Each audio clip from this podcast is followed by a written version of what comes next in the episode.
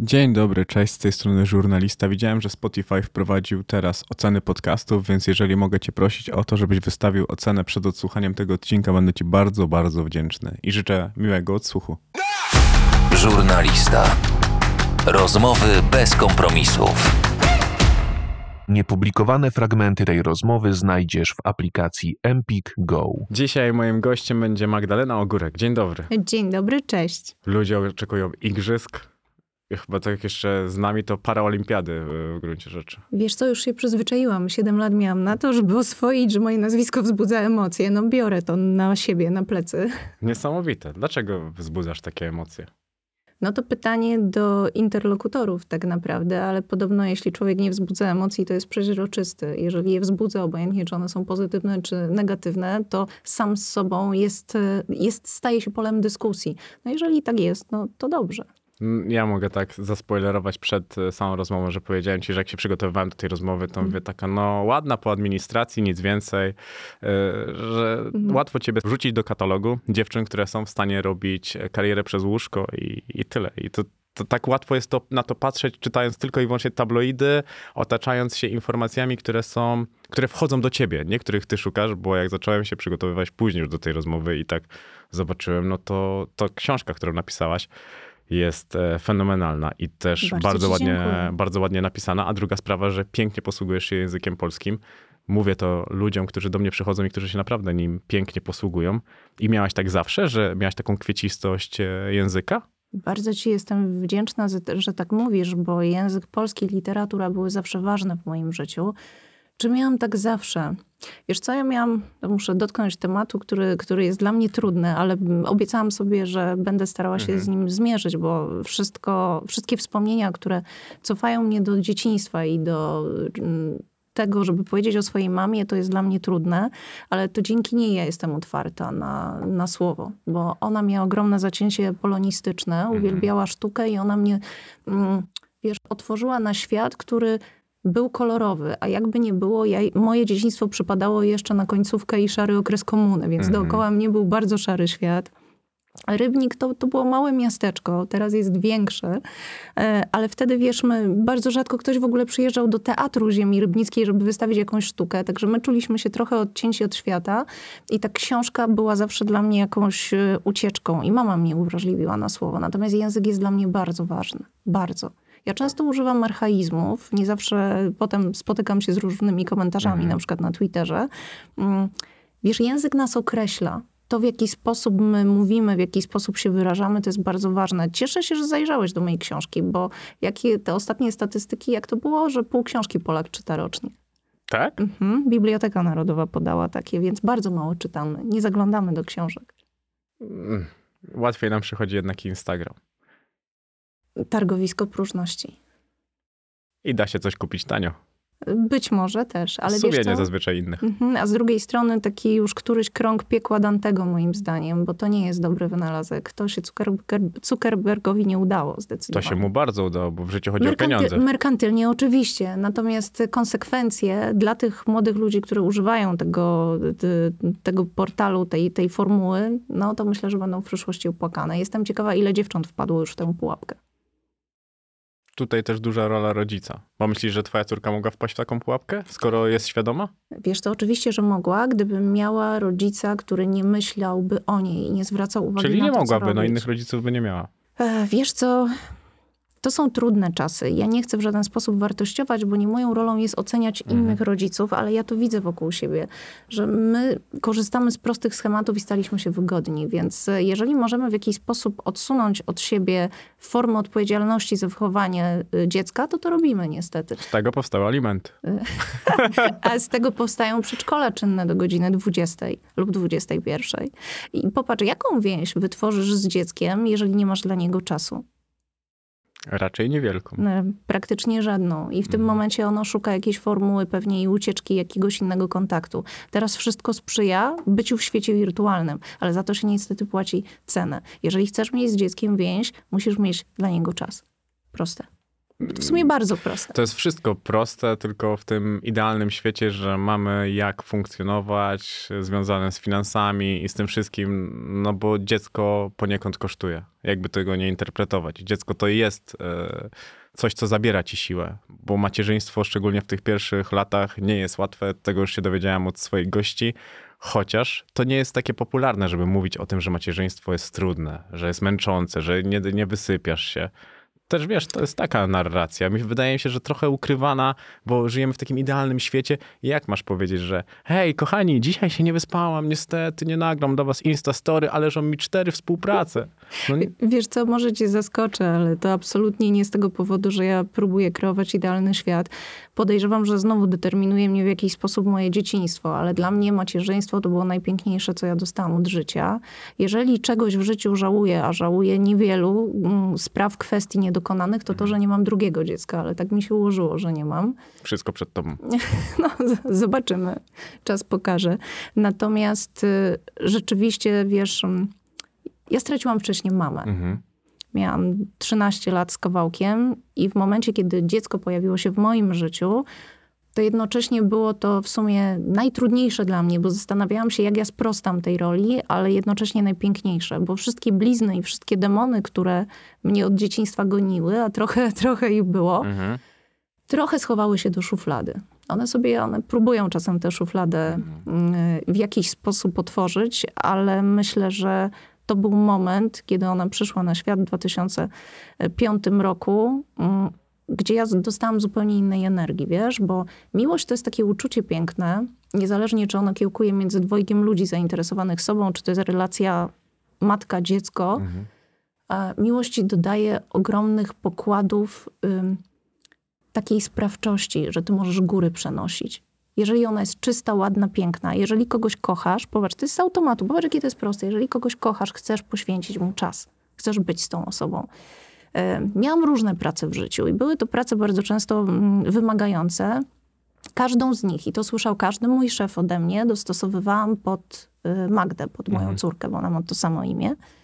E, I myślę, że to teraz procentuje, bo nie ma takiej sprawy, z którą ona do mnie nie przyjdzie. Nie ma takiej sytuacji, o której ona mi nie opowie, a tak jak wspomniałeś, w przyszłym roku ma 17 lat, więc to już jest kawałek. No, to już wiesz.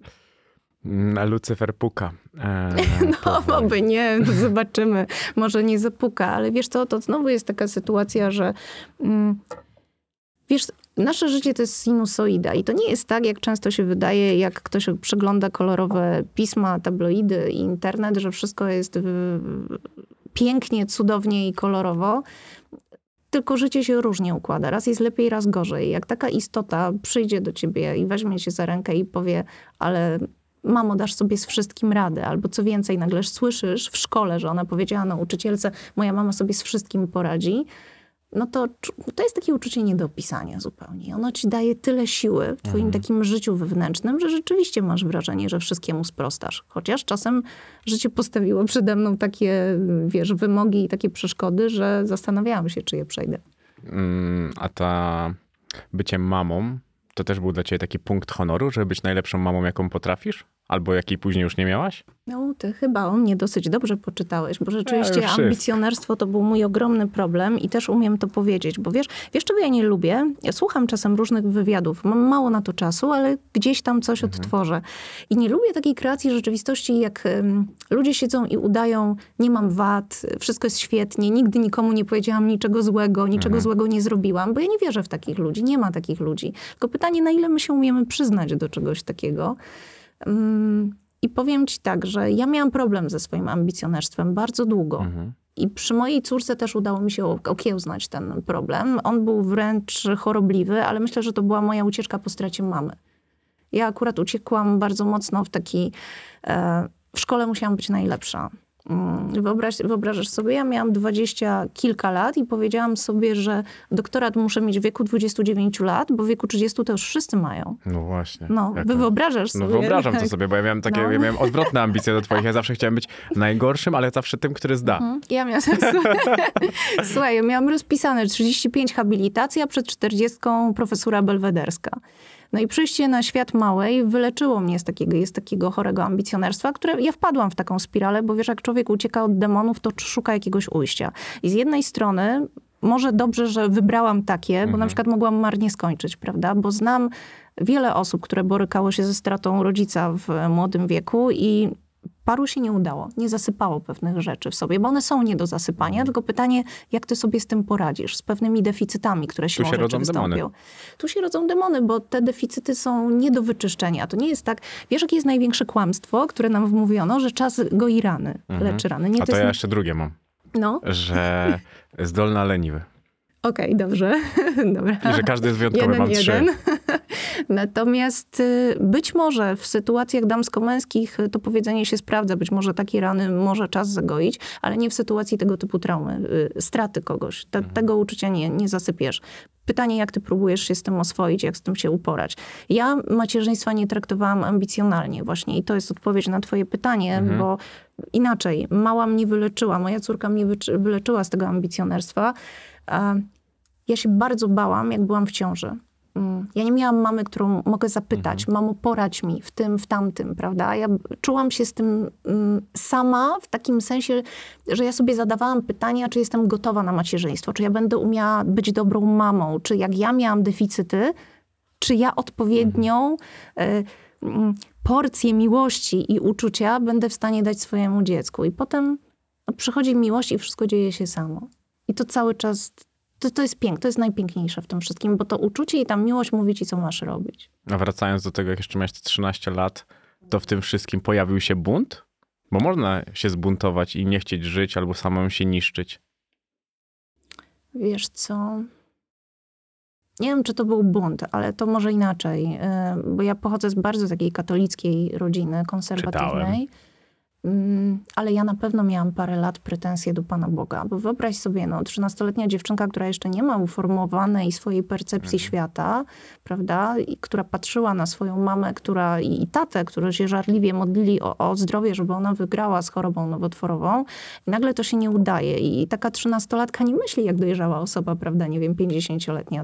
13-latka ma ten świat taki prosty. I teraz zastanawia się, co się stało i nie umie sobie tego ułożyć. A mama zmarła w czasach, gdzie nikomu nie śniło się o tak zwanej e, opiece psychoonkologicznej, bo teraz rodziny, które bo- borykają się z takimi traumami, mogą mieć taką opiekę. Wtedy, tego, wtedy w ogóle nikomu się nie śniło. Wiesz, psycholog to było takie bardzo jakieś kosmiczne, fantasmagoryczne pojęcie, gdzie raczej e, nikt w ogóle nie pomyślał, że należałoby z taką pomocą na przykład dziecku przyjść, więc e, ja się kłóciłam parę lat z Panem Bogiem, na pewno w liceum. Później te, te Liceum to jest bardzo dobry czas, żeby się kłócić z Panem Bogiem. Oj, Wiesz, wiesz, ale, ale cieszę się bardzo, że tak potem powoli te drogi jakiegoś zaczęły nawzajem się splatać na nowo i, i, i Bóg jest w moim życiu bardzo ważny, ale na pewno ten, ten czas po 13 roku życia był strasznie trudny. Ja podejrzewam, że w pierwszej klasie liceum ja byłam dla swoich rówieśników myślę, że nieprzyjemna. Ja sobie dzisiaj teraz myślę, że oni ze mną łatwo nie mieli, ale dostałam od nich bardzo dużo ciepła w trudnym dla mnie czasie. Kończyliśmy wszyscy to liceum później jako, jako przyjaciele i mamy kontakt. Wiesz, bo nie zaczynasz szkoły, nie przychodzisz y, nagle do szkoły po takiej traumie i mówisz, cześć, traktujcie mnie inaczej, bo straciłam mamę, y, jestem po prostu, świat mi się rozpadł na tysiąc kawałków i nie wiem, czy ja potrafię y, z wami rozmawiać, tak? Nie, no nie, nie masz takiej taryfy ulgowej, prawda? Musisz funkcjonować. liceum to też e, takie... No, przychodzisz tam pokazać ego. Tam jednak ten Mhm. moment, kiedy hormony buzują, jest też dość e, istotny w tym wszystkim. No ego i znowu ten perfekcjonizm, prawda? Ja muszę być najlepsza, najlepsza średnia. Jak ktoś miał 5-0, no to wiadomo, że ja muszę mieć 5-2, prawda? No bo No nie to jest zasnę. logiczne. Logi- jest to logiczne, wiadomo. A twoja córka też tak dobrze się uczy? E, Ona się uczy dobrze, natomiast nauczona swoim doświadczeniem, mm, ja z nią zupełnie inaczej rozmawiam. I ja jej wytłumaczyłam dawno temu, że oceny nie są odzwierciedleniem tego, e, co ty masz w głowie, tylko to, ile ty przeczytasz, e, ile ty doświadczysz. Wiesz co, w podstawówce, bo teraz to mogę powiedzieć, bo już jest po podstawówce, więc już nie, nie zrobię jej kłopotu. Ja ją może nie często, ale umiarkowanie zwalniałam e, ją z lekcji, żeby mogła ze mną podróżować, bo bywało tak, że ja miałam właśnie z uwagi na podróże do pierwszej książki, sporo wyjazdów i ja bardzo chciałam, żeby ona tego doświadczała ze mną, bo to Mhm. uczy. Ja uważam, że nasze przeżycia nas uczą, kształcą, determinują nasze doświadczenia. Te, które zbieramy, one się zbierają w taki ładny bagaż doświadczeń i z tym plecakiem idziesz w życie i ty z niego wyjmiesz, a nie z tego, czy ty dostałeś czwórkę czy piątkę z klasówki z matematyki. W związku z tym ja ją tak ukształtowałam. I owszem, szkoła jest dla niej ważna i ma pewne rysy ambicjonerskie, ale staram się jej tłumaczyć, że zła ocena to nie jest, y, to nie jest nic złego. I staram się mówić jej, że zdrowie jest najważniejsze i to, co masz w głowie, a nie co ty przyniesiesz z klasówki. E, też jak za- zaczęliśmy tą rozmowę, to mówimy o tym, jak świat się zmienia na naszych oczach. Dla mnie religia stoi w miejscu, a ty jesteś z domu bardzo religijnego i nie masz takiego zda- zdania, że religia powinna się trochę ruszyć z miejsca i wyjść w kierunku wierzących? E, Widzisz, tylko siłą Kościoła było zawsze to, że on był bardzo mocno konstans. On i tak Tylko się... nigdy świat się tak szybko nie rozwijał jak dzisiaj. Pomyśl sobie, że między tobą a twoimi rodzicami nie ma takiej przepaści, jak między tobą a twoją córką. Widzisz, e, przez mój pryzmat, a siłą rzeczy też to leży w gestii moich zainteresowań, bo jednym z moich fakultetów była historia Kościoła. Ja uważam, że ten Kościół i tak się ruszył, wiesz, jak na to, prze- patrząc przez pryzmat jego historii, ale siła tego, co było za Spiżową Bramą, czyli w Watykanie, zawsze było to, że tam wszystko było stałe i wieczne. Tak jak wieczne miasto. I, I tak funkcjonował zawsze Kościół na takich bardzo silnych fundamentach. Ale zobacz, jest inny papież. To jest, to jest papież, który przybył z zupełnie innego kontynentu, który Kościół zaskoczył.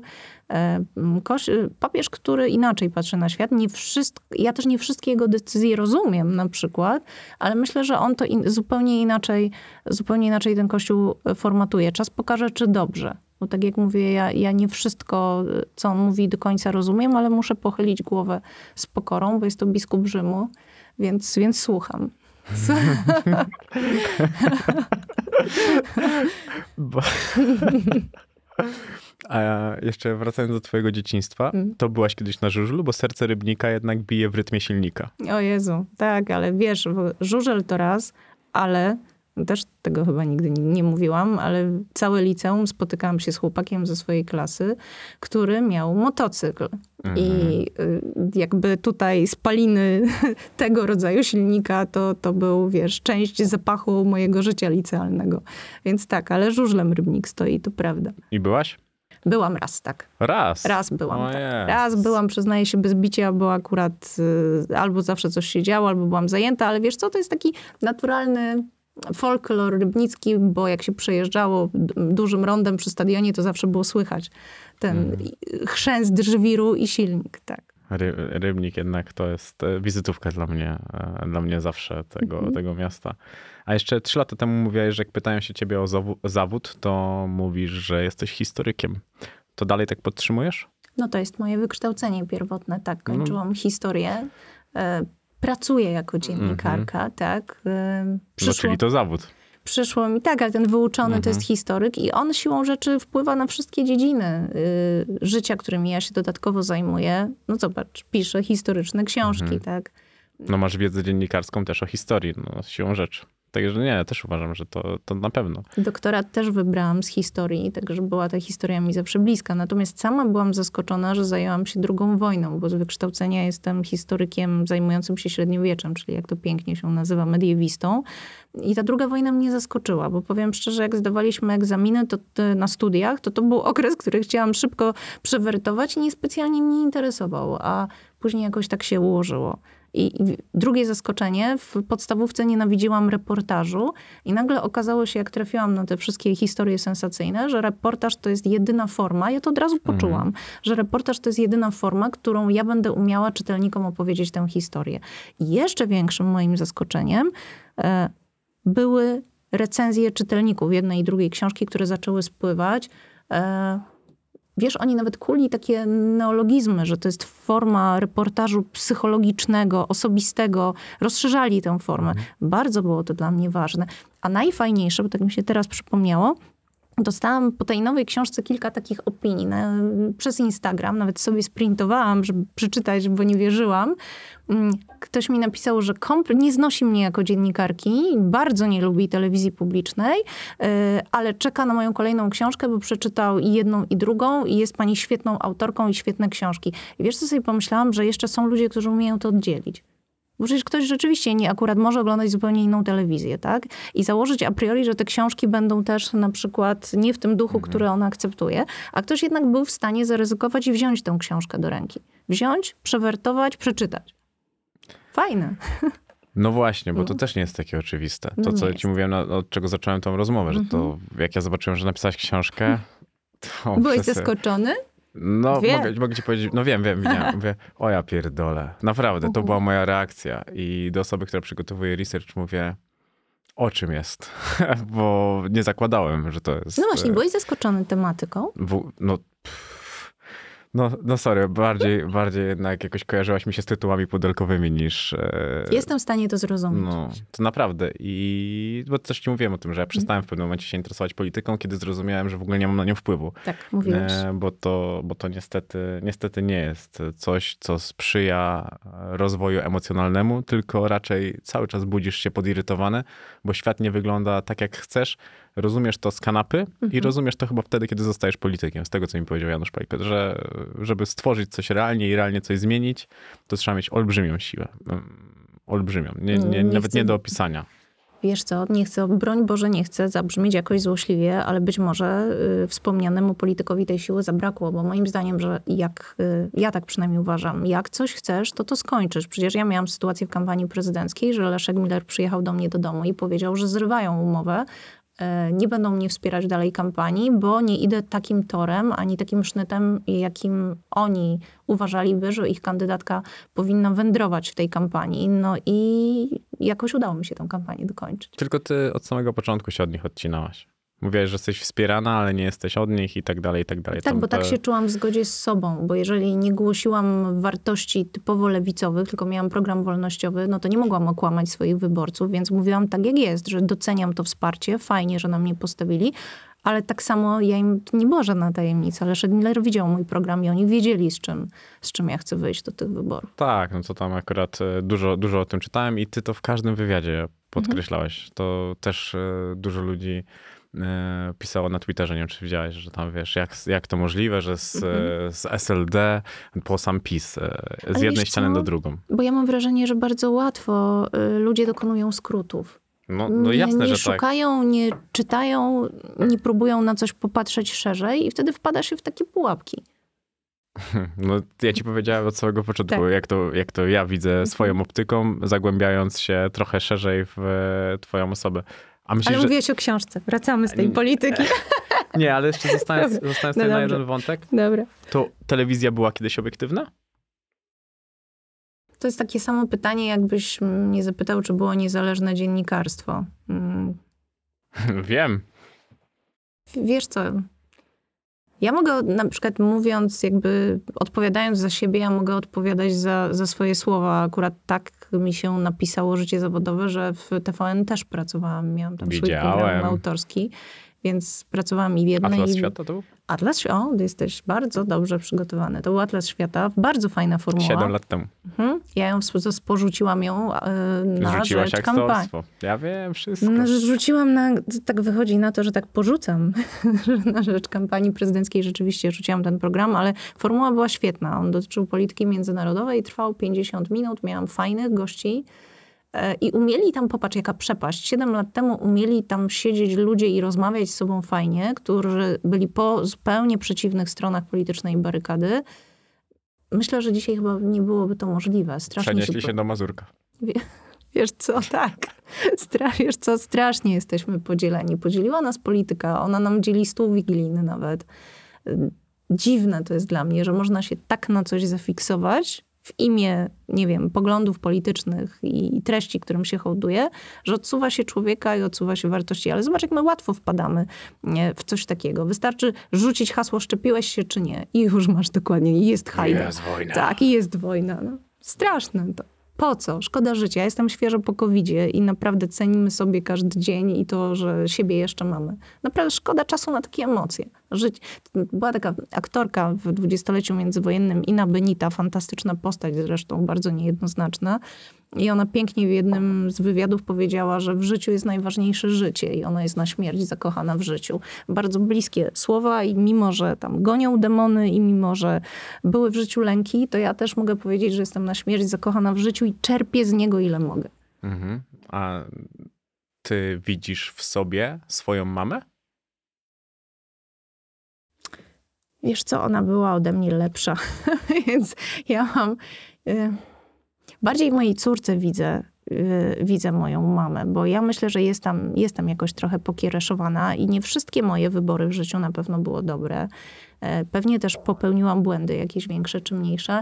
Mm, a być może to jest tak, że z biegiem lat po prostu ta mama jest ikoną i, i nie tylko wiesz, chodzi mi o ten przekaz ikoniczny, ale to, że ja ją włożyłam mhm. na jakiś piedestał, że ja na nią patrzę przez pryzmat ideału i tak mi się jawi.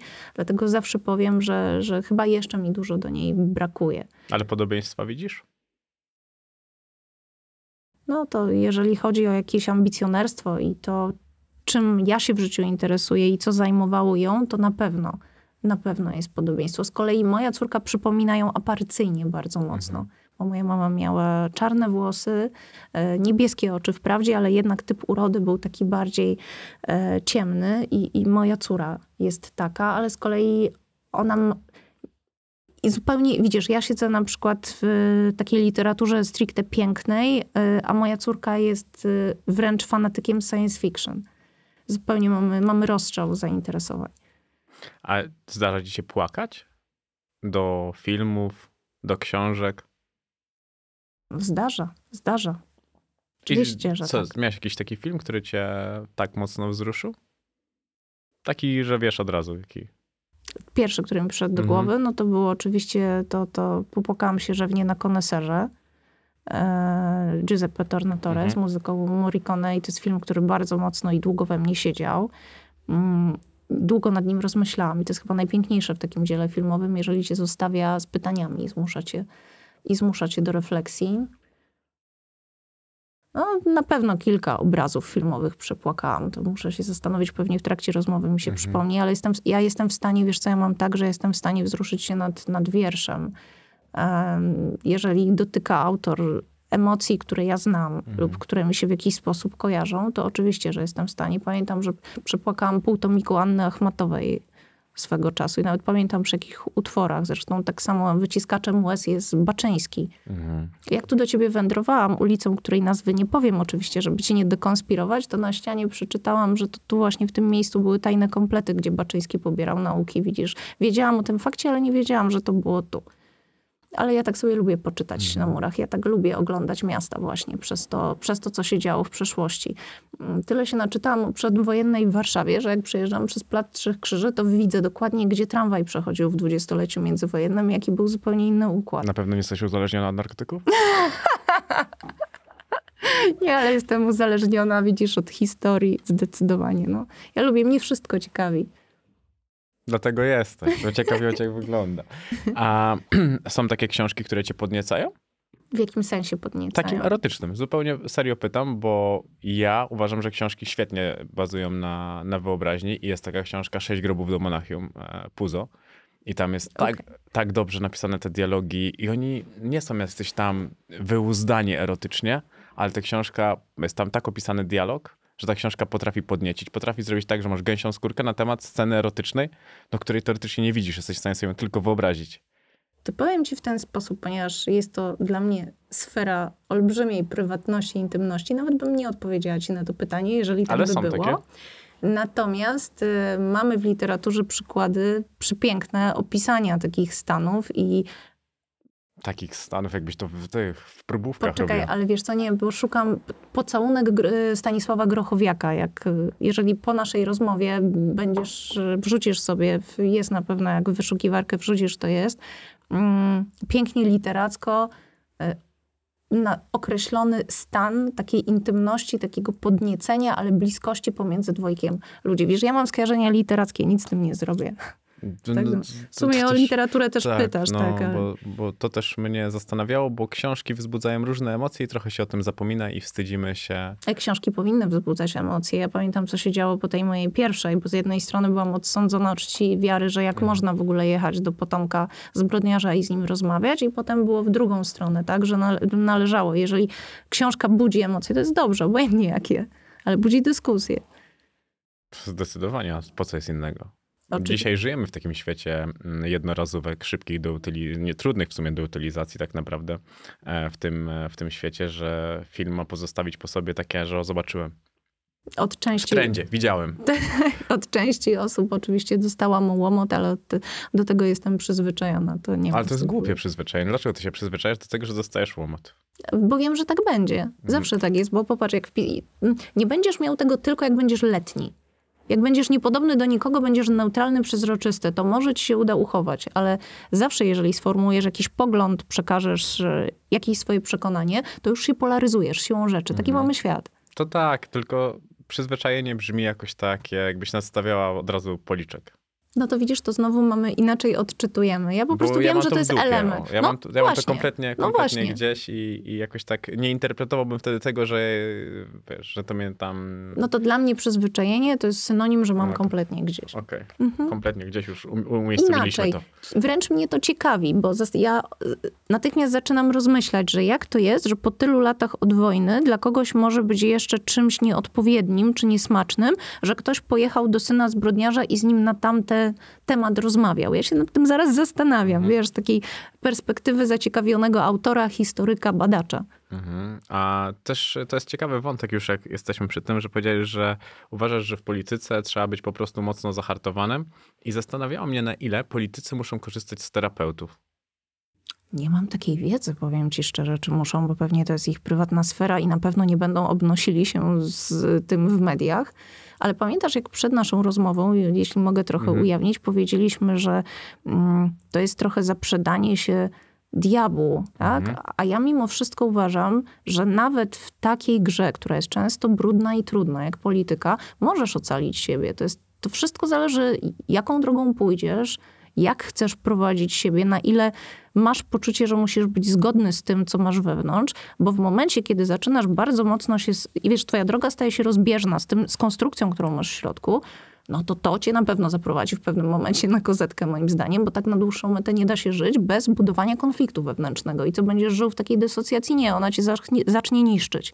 I nawet jak nie trafisz na kozetkę, to będziesz czuł tę destrukcję od środka. Ja Pytam- bym czuła. No właśnie, ja pytam o to, bo Mówię za sobie, siebie. że zawód polityka stał się jakiś taki spokrewniony do złodzieja, do, do czegoś złego. Nikt chyba w Polsce, albo ja mam jakieś dziwne odczucia i spaczenie, że nie odbiera zawodu polityka jakoś tak godnie. Że No ale to jest- zobacz, czy kiedyś było inaczej? No- My tak patrzymy teraz, bo, bo Ale pamiętamy... pam- pamiętasz, co znaczy słowo polityk z definicji? Tak jest bardzo ładnie to określone. Ja wiem, tylko że wiesz co, y, popatrz, my stawiamy znowu do tych piedestałów, wracam. Y, Piłsudski, Dmowski. Wymieniamy sukcesy, tak? Patrzymy przez pryzmat historii. Gdybyśmy się cofnęli do ich czasów, oni musieli się zmagać z tym, co my dzisiaj nazywamy hejtem. Byli w pewnych y, obszarach odsądzani od, od czci i wiary. Zawsze tak było. Ja- Ja wiem, że teraz polityka jest inna, bo żyjemy w innych czasach, ale ona zawsze e, z definicji, z natury prowadzenia sporu politycznego niestety. Przecież Sejm też był żywiołowy, tak? Zobacz, zobacz, co się działo. Nam się wydaje, że ten, ten nasz obecny Chociaż no, rzeczywiście my teraz mamy jeszcze i wulgaryzmy na tapecie, czego nie było wcześniej. Ta granica będzie cały czas przesuwana coraz dalej i dalej. Pytanie, gdzie ona się zatrzyma, jeśli w ogóle się zatrzyma. No patrząc na te sceny z Gdańska na Wośpie, to widać, że ta granica już jest bardzo daleko. Wiesz co, no, takich przykładów znowu, bo to musiałabym pójść w polityce. Mi się bardzo nie podobało to, co Tusk teraz powiedział na, na wiecu. Po co było przytaczanie tego Miłosza, po co było mówienie o, o gałęzi i o sznurze. To, to, nie są, to, to, to, to nie są dobre przekazy. Obojętnie z której strony one podają, z prawej, z lewej, ze środka. Jesteśmy tak gdzieś, wiesz, wsiąkliśmy w ten język nienawiści. Nie wiem, czy my się z tego otrzepiemy, bo zobacz, powiedziałeś o politykach, ale my, my chcemy mieć te igrzyska. Popatrz tak. na społeczeństwo. No Przecież ale wręcz dlatego on to żyjemy. powiedział. No dla mnie to jest logiczne, że on to powiedział i to jest napędem dla ludzi, bo albo kieruje tobą miłość, albo nienawiść. Są dwie rzeczy, gdzie jesteś w stanie zrobić wszystko. Ale Albo jak jeszcze... jesteś zakochany, albo jak No dobrze, szczerze nienawidzisz. Ale po środku jest jeszcze jeden element, bardzo ważny, zdrowy rozsądek. I nim wartością, i jedno i drugie. E, Miłość i nienawiść nie operują w zdrowym rozsądku. No to zależy na ile jesteś w stanie... Zaślepione. No właśnie, no to, to, to już mamy, tu, tu zmierzamy w zupełnie inne rewiry, prawda? Bo to już mamy powoli, zmierzamy do jakiejś osobowości na przykład psychopatycznej, czy dysfunkcyjnej, socjopatycznej. No a jednak zdrowy rozsądek to jest ten element, który trzyma ci skalę tych emocji w ryzach, tak? Mhm. No, w idealnym świecie. Ja bym się zastanawiała jeszcze nad jednym elementem, bo też jak obserwuję tę scenę polityczną, to, to wracam do takich przykładów yy, z przeszłości. Na ile my mamy w sobie taki pierwiastek zła? Zastanawiałeś się nad tym kiedyś? Bardzo duży. Ja bym rozłożył to 70 do 30. Wiesz, ja pierwszy raz zaczęłam o tym rozmyślać, jak y, z impetem internet wszedł w nasze życie, że pozwolił nam anonimowo zostawiać komentarze. Zresztą obecnie jest tak, że już nawet nie anonimowo, ludzie nie boją się pisać strasznych rzeczy pod imieniem i nazwiskiem. Na pewno też zwróciłeś na to uwagę. Mm, I zaczęłam się zastanawiać, czy wiesz, co my mamy takiego w sobie, że można się poczuć lepiej od tego, że zostawisz obrzydliwy komentarz w internecie, bo to jest chyba, ja mam wrażenie, że czasem ktoś to pisze na zasadzie katarzis, że wyrzucę coś z siebie, tak, w jakiś sposób tam wbije szpilę temu drugiemu człowiekowi, może się lepiej poczuje. Może nie, bezpłatne toalety by im lepiej zrobiły. wiesz co, ja naprawdę jest mi trudno sobie to wyobrazić, tylko popatrz, jak y, mm, czytałam taką książkę, zresztą często do niej wracam.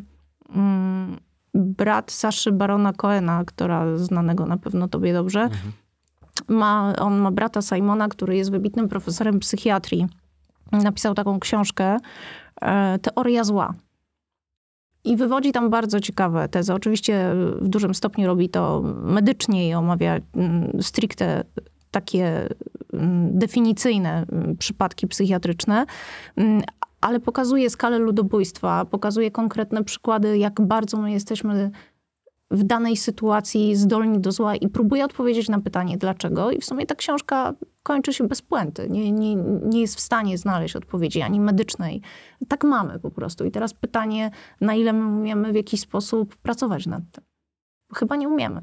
Nie umiemy. Popatrz, pamiętasz takie, ja nie chcę przywoływać doświadczenia Zimbardo, bo sam Zimbardo powiedział, że oszukał. Szkoda, bo to było ciekawe doświadczenie, ale w 1963 roku Stan, Stanley Milgram zrobił takie doświadczenie z rażeniem prądem. Pamiętasz, że e, miałeś dowolność, nie musiałeś tego robić, siedział człowiek i e, ktoś narzucał, tak, to już nie będę Mhm. opowiadać całego tego skomplikowanego procesu i ludzie mogli się wycofywać, y, podglądali, widzieli, że ofiara cierpi, a mimo to, y, oczywiście to było udawane, człowiekowi nic się nie działo, ale świetnie udawał, ale okazało się, że skończyło się na granicy tego, ludzie doszli do takiej granicy, gdzie już moc tego rażenia prądem była absolutnie śmiertelna, a ofiara się wiła, mówiła, że boli serce, że za chwilę już nie wytrzyma, za chwilę zemdleje. Mamy coś takiego dziwnego w sobie. Lubimy igrzyska.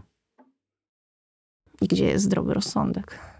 Czy umiemy, umiemy to powstrzymać? Zobacz, jak przychodzą takie doświadczenia typu wojna albo przychodzą ciężkie czasy, No pamiętasz, jak papież zmarł? A mówisz teraz o którym wymiarze, że potrafiliśmy być zjednoczeni, czy, czy o, o czym, o którym elemencie Że mówisz? przez jeden dzień byliśmy dla siebie wszyscy mili.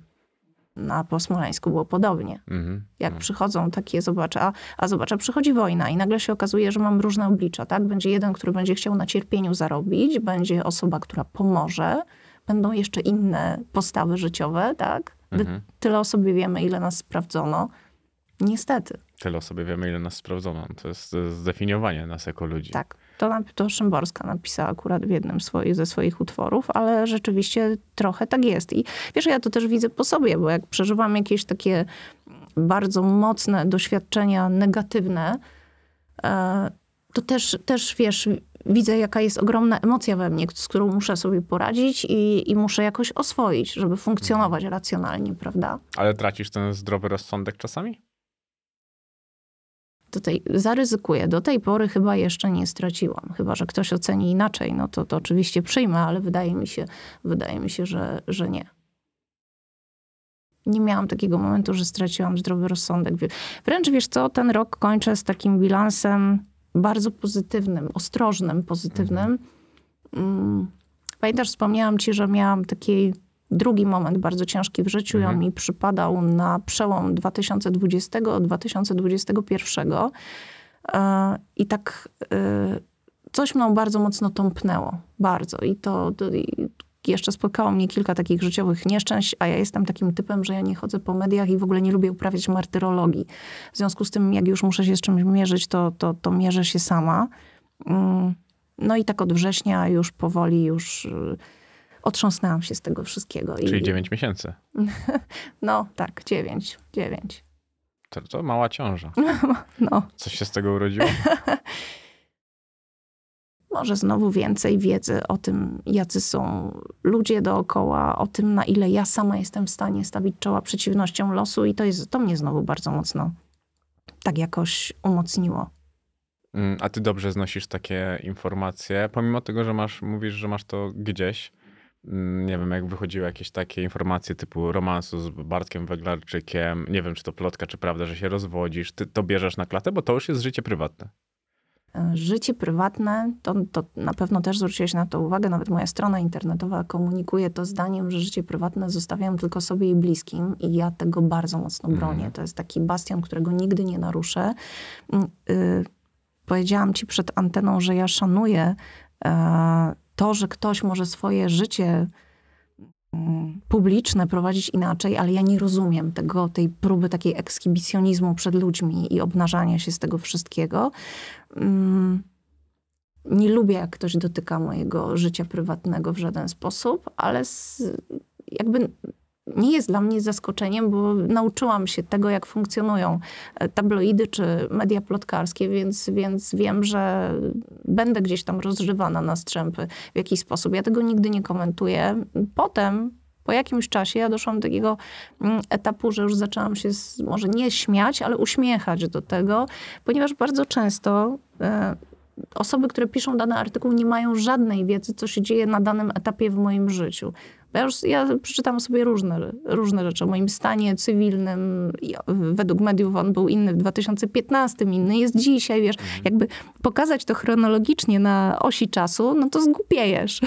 to kompletnie. Ja właśnie, No. wiesz, zahaczam o plotkę, bo ja zgubiałem, jak Mhm. szukałem. Ja nie do końca wiedziałem, e, ale powiedz, jeżeli, I to, tak- jest, jeżeli tak to jest twój mąż dalej, I tak zostawiam, nie powiem nic na ten temat, Nie, nie. bo prywatność to jest to, czego będę zawsze chronić. jeżeli to jest twój mąż dalej, to powiedz mu, żeby zmienił zdjęcie na Wikipedii. To jest takie, że myślałem, że jesteś z jakimś biskupem, e, szczerze powiedziawszy, w takiej czapeczce.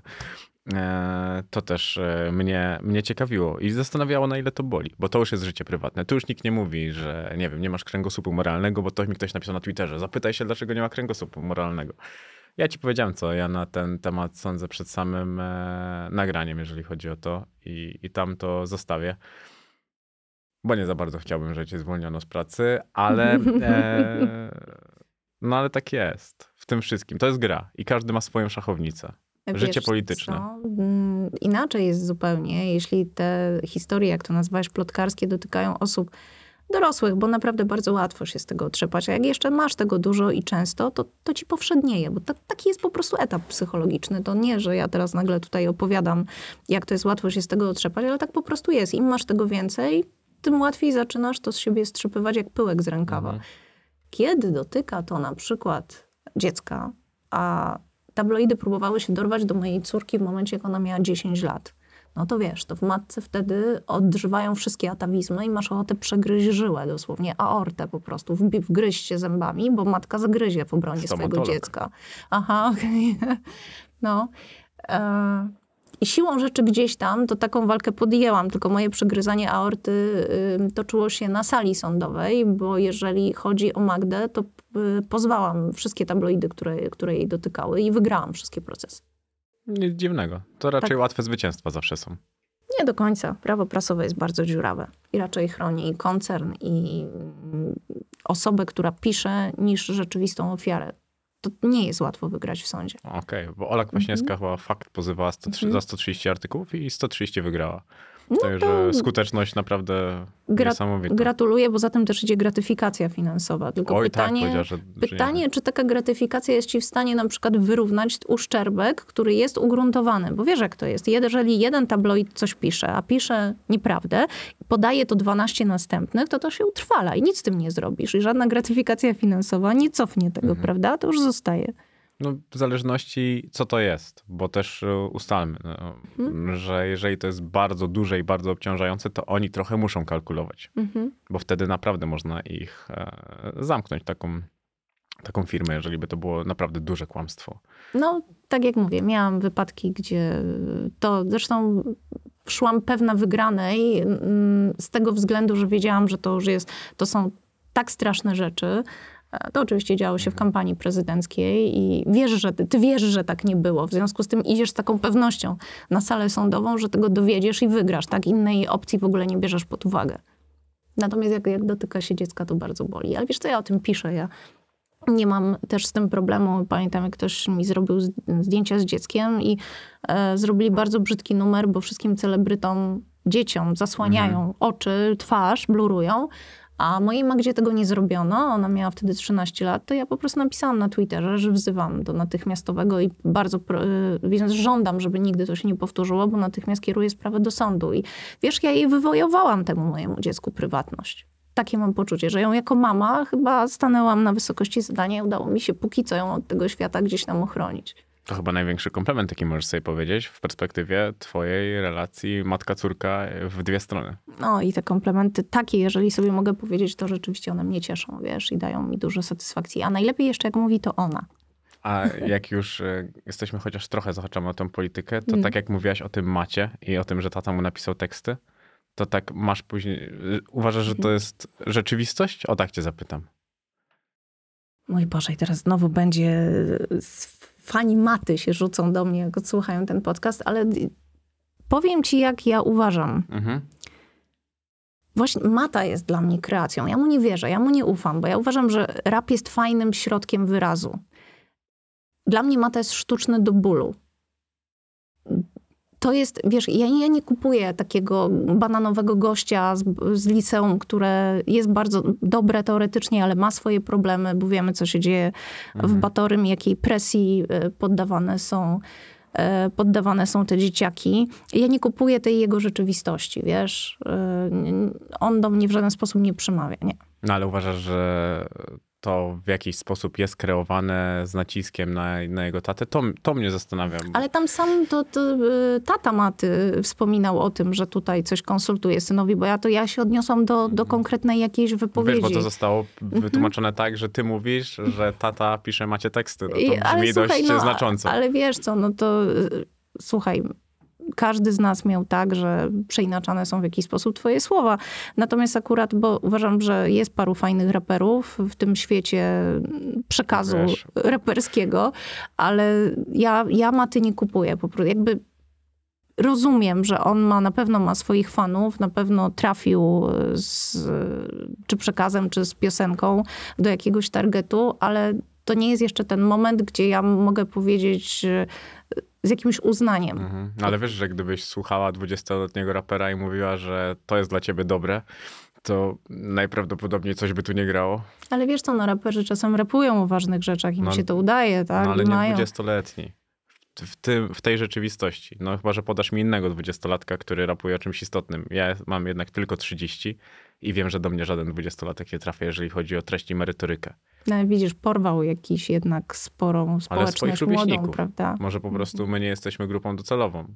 I w perspektywie tego, co ty robisz, no to dla ciebie to może być inspirowane powiedzmy tam tatą i, i wychowaniem, a dla mnie no to jest to jego jakiś tam wyraz. Sukces bardzo, Mhm. bardzo szanuję, no bo to jest... Tak, to tak samo, oczywiście, na pewno. Ja każdy sukces szanuję, bo za każdym sukcesem jest praca, to bez dwóch zdań. To, tu, tu nie ma między nami sporu. Fajnie by, wiesz, co było, gdybyśmy żyli w takim świecie, że my możemy powiedzieć takie myśli i natychmiast nie rzuca się nam ktoś do gardła, prawda? Że możemy zgodzić się lub nie zgodzić i zostać w wzajemnym szacunku. A mam wrażenie, że teraz tego nie ma. Igrzyska. No i znowu wracamy do tego samego, no tak. Bo zobacz, najmniej interesuje spór samych zainteresowanych, a najbardziej obserwatorów. Mhm. Tutaj akurat w tej I jak kwestii. krew leje się gęsto, no to znowu wracamy do atawizmów, no. Tak. Ale e, w tej całej historii chichot losu jest taki, że ty tam wrzuciłaś sokoła, a potem sokoło tobie zarapował. Słuchaj, ja już słyszałam we- wiele wersji na ten temat. Nie wiem, jaka jest prawdziwa, ale z tego, co internauci donosili, to ja nie wiedziałam, że on wcześniej o mnie zarapował, tak? Mhm. Jakoś odniosłam się do niego mm, w sensie pozytywnym i później ktoś mi wysłał, że były takie e, wersy na mój temat. No co, no... Ja muszę uszanować kreację artystyczną, tak? Nic, nie, nie będę Ale się to- wyzłośliwiać na temat Sokoła. Jeśli myślisz, że, że tak, to nie, Nie, nie, nie, no absolutnie. jasne, że nie. ja mam Jeszcze bardzo powiedział- duże pokłady tolerancji w sobie i takiego... Wiesz co? Ja pamiętam, jak zobaczyłam pierwszy kabaret na swój temat y, Roberta Górskiego, to wysłałam mu SMS-a, bo ja się naprawdę spłakałam. To był kabaret, y, konferencja prasowa Magdaleny Ogórek. On oczywiście powstał w mojej kampanii prezydenckiej. Ja się sama upłakałam ze śmiechu. Ja uważam, że mam bardzo dużo dystansu do siebie. To dobrze.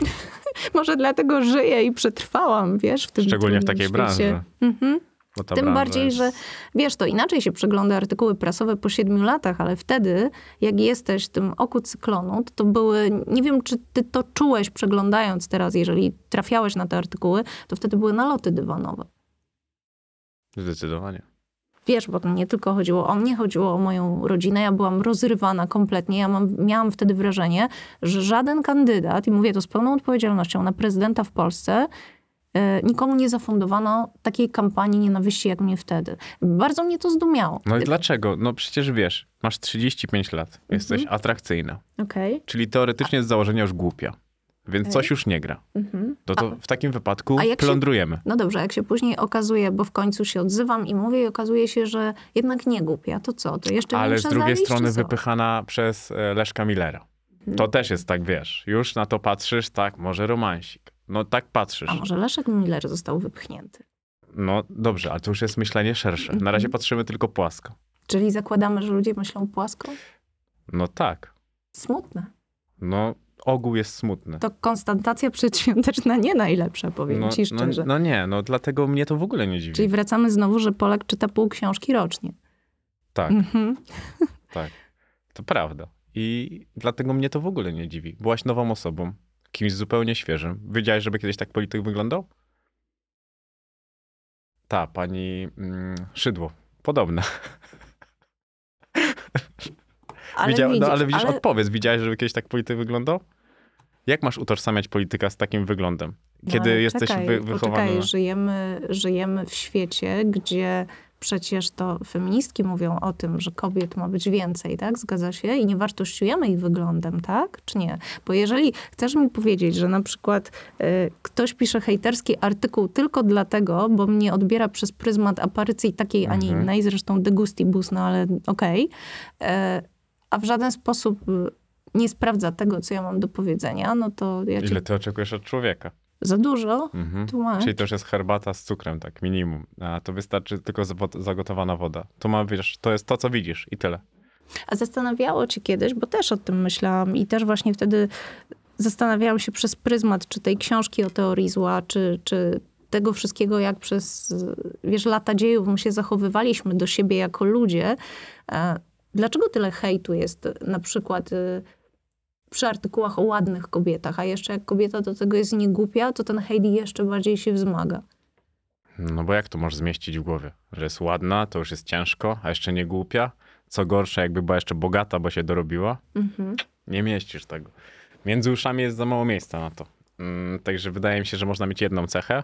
Tobie przypisano, że jesteś ładna, więc cała reszta już musiała niestety odpaść.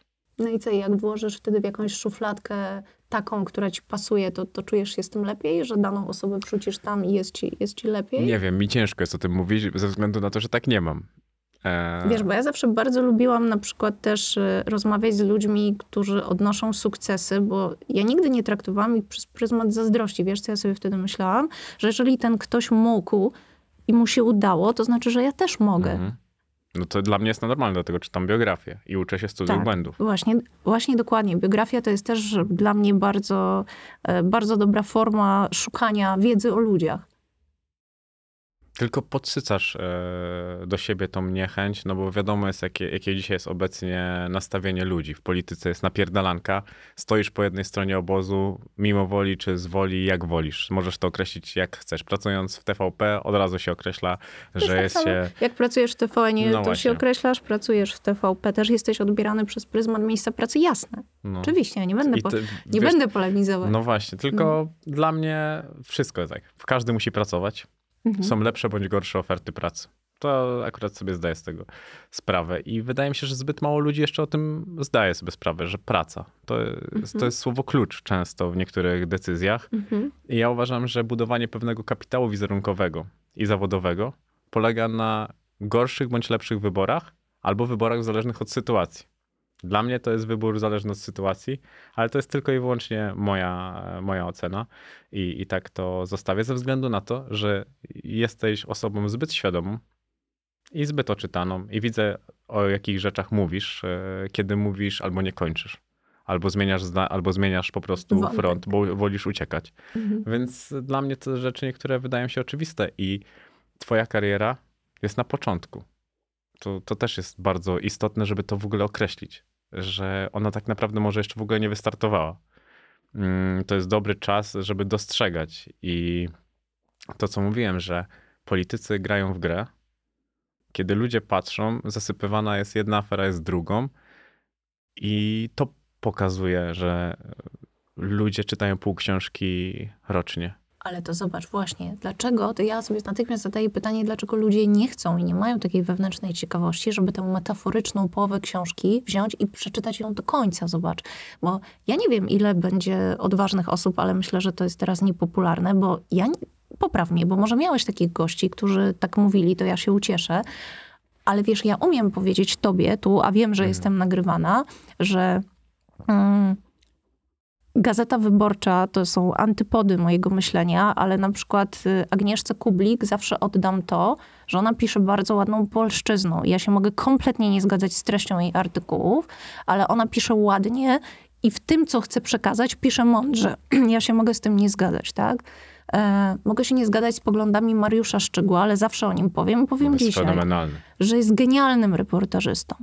E, Ja do dziś pamiętam i jego artykuły z gazety wyborczej, tak, I, i często szukałam w, w dużym formacie, czy, czy, czy w, w, tym, w tym dodatku.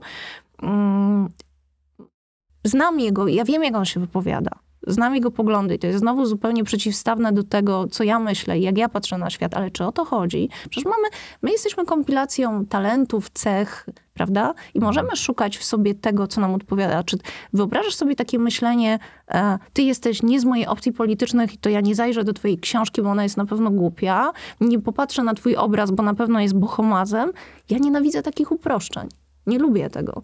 Ja umiem oddać komuś z kim mogę nawet wojować na jakiejś tam niwie w przestrzeni medialnej, a takie wojenki przecież się zdarzają, to w czym on jest dobry, nie mam z tym problemu.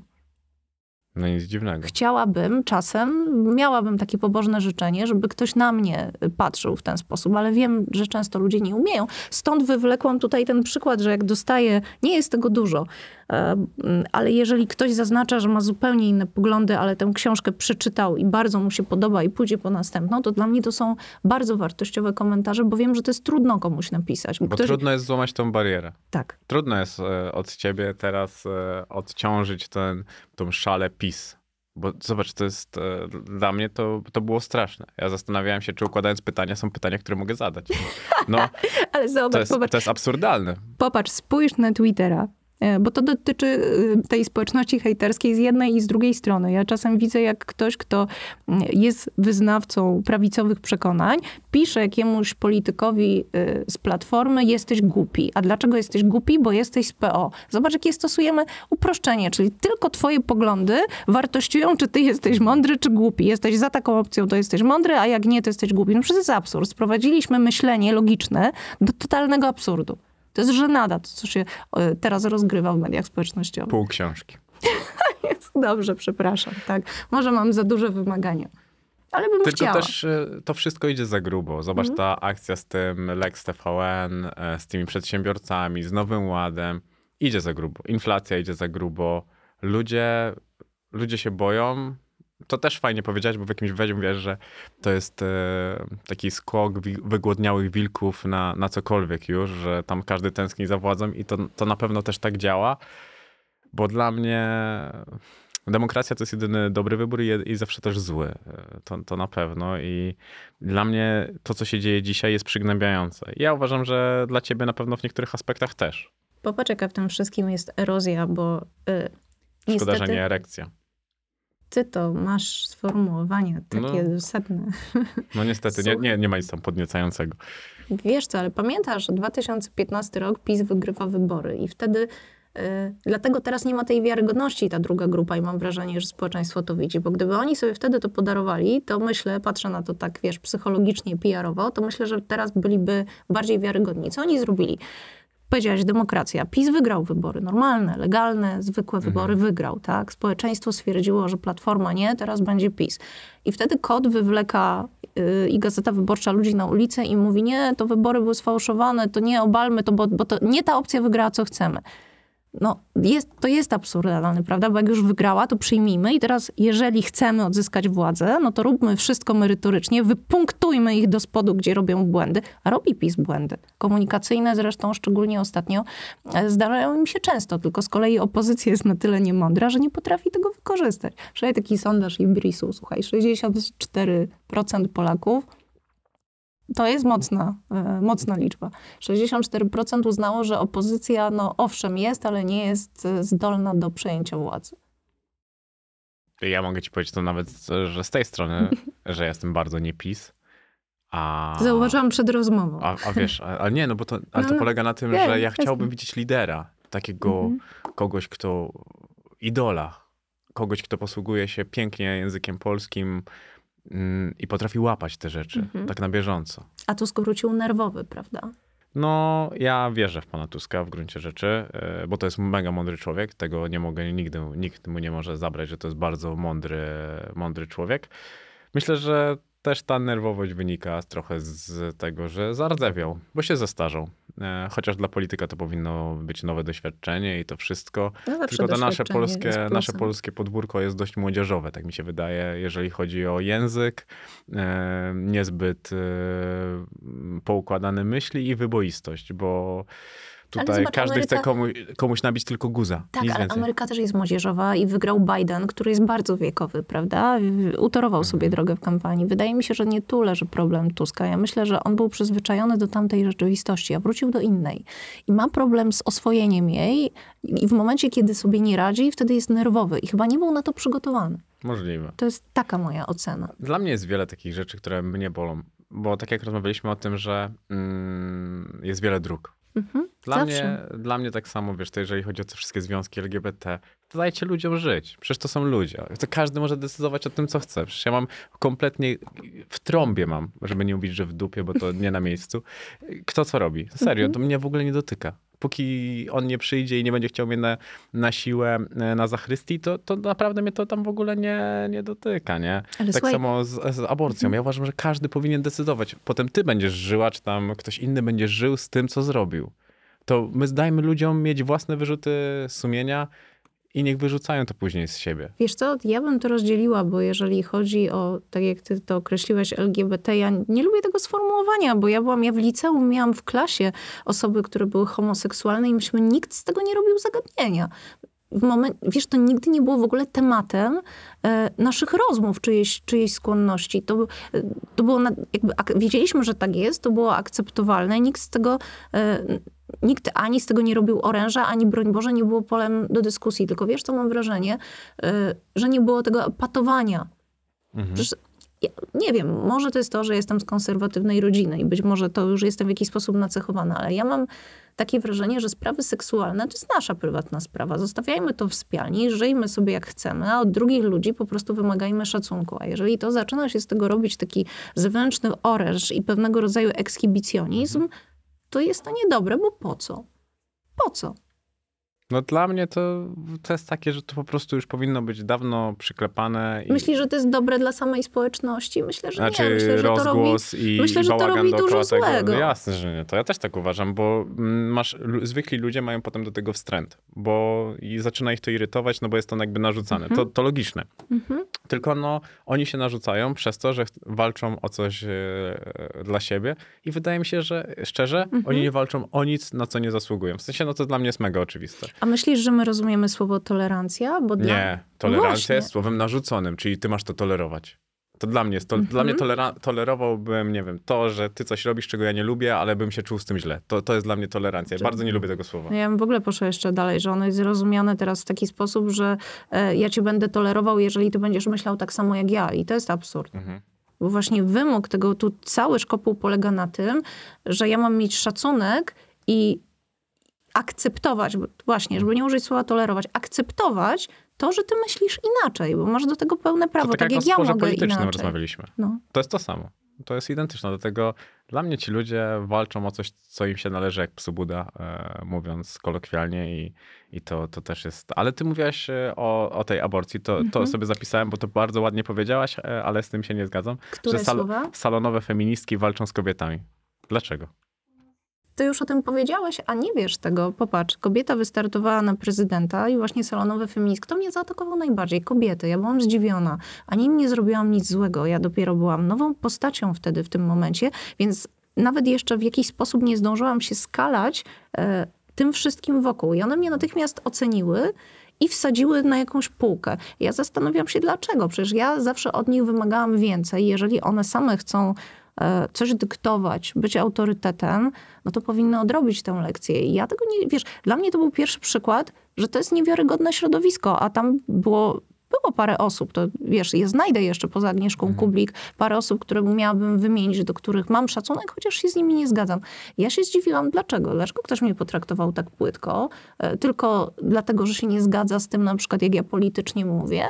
To była dla mnie kompletna aberracja.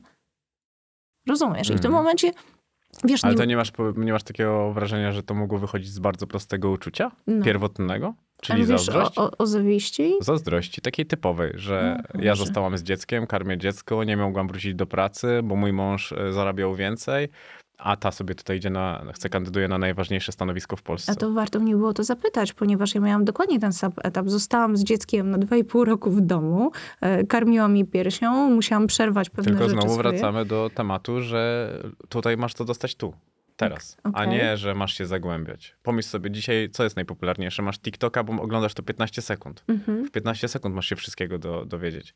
To nie ma już być tak, że mamy nad tym się pochylić, posiedzieć, poanalizować. Komentarz ma być szybki. No, na tym Nie, Wiesz co, bo zazdrość i zawiść, no niestety emocje takie fundamentalne i bardzo mocno nas w jakimś stopniu determinujące do tego, co mówimy i co czynimy. I ty...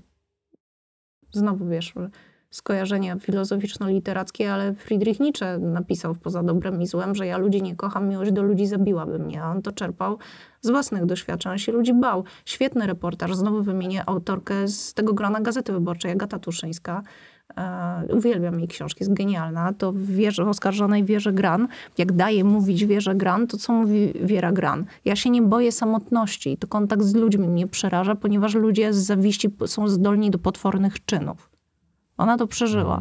No to znowu tutaj wracamy do tego, ale w momencie, kiedy e, wkraczam do życia publicznego, mm, to jednak wymagam, żeby ocenić mnie sprawiedliwie. A nie chcę, żeby mnie oceniać e, pozytywnie, gloryfikować, tylko chciałam być wtedy oceniona sprawiedliwie. A zadziało się to, stąd użyłam sformułowania salonowe feministki, bo dla mnie to było wtedy jasne. Wy nawet się nade mną nie pochyliłyście, nie wykonałyście do mnie telefonu i nie sprawdziłyście, nie porozmawiałyście ze mną. Nie zadałyście mi żadnych pytań, ale już mnie oceniłyście, tak? No, to jest najprostsze No. w tym wszystkim. Mi się bardzo podobało to salonowe feministki, takie bardzo ładne. Bo wiesz co, ja miałam takie poczucie, że ja tego salonu w ten przysłowiowy pierścień nie pocałowałam, że ja byłam kimś, kogo nikt się nie spodziewał, bo nikt mnie nie znał. I teraz trochę nie było wiadomo, z czym się je tę dziewczynę, tak? Skąd ona się wzięła. A jak e, że coś, coś, jakaś decyzja powstała poza nimi. A te środowiska kreujące rzeczywistość w Polsce jednak były przyzwyczajone, że mają wpływ na pewne decyzje, prawda? A tymczasem było ogromne zaskoczenie, że w tym peletonie prezydenckim pojawiła się osoba, której nikt kompletnie się nie spodziewał. I stąd był taki potworny atak. No ale jak Czyli to... już to wiesz, no bo zastanawiałeś się skąd, no to widzisz. Pewnie, że o tym myślałam, no ale ty znowu tak z kolei Herberta przywołam teraz, że jak płyniesz pod prąd, wtedy hartują ci się mięśnie, nie jak płyniesz z prądem, tylko jak walczysz z trudnościami, no to, to, to, to moje mięśnie są zahartowane mocno Ale ty, przez ostatnie 7 lat. ty będąc w polityce uważasz, że politycy to mądrzy ludzie? Bo ja mam często wątpię. Ale- Niewielu jest takich, których chce mi się słuchać. Ale wiesz, to jak z każdą grupą zawodową. No, znajdziesz taka- kogoś elita mądrego, znajdziesz kogoś mądrego i znajdziesz kogoś, o którym powiesz, no co on tu robi w danym miejscu, prawda? Tylko pamiętaj, że to my ich wybieramy. To Oni tam, oni nie są wsadzeni z góry, to Mhm. Nie, my nie, mamy, nie, to to, wiesz, my to jasne, skreślamy tak, krzyżyk no, i to też jest nasza rola, żeby poznać kandydata, przy którym my postawimy później ten znaczek, który mu toruje drogę do Sejmu czy do Senatu. Poczytajmy o nim. Nie, nie, no ja się Zadajmy pytam ciebie, pytania. bo ty ich spotykasz poza programem, możesz z nimi porozmawiać, więc wiesz, czy jest z nimi o czym rozmawiać. Nie, nie chodzi mi o to, żebyś miała ranking trzech najgłupszych, e, tylko po prostu, czy oni są ludźmi, Nigdy bym zresztą takiego rankingu nie wymieniła, dlatego że mi No, ich kultura, os- kultura osobista mi na to nie pozwala.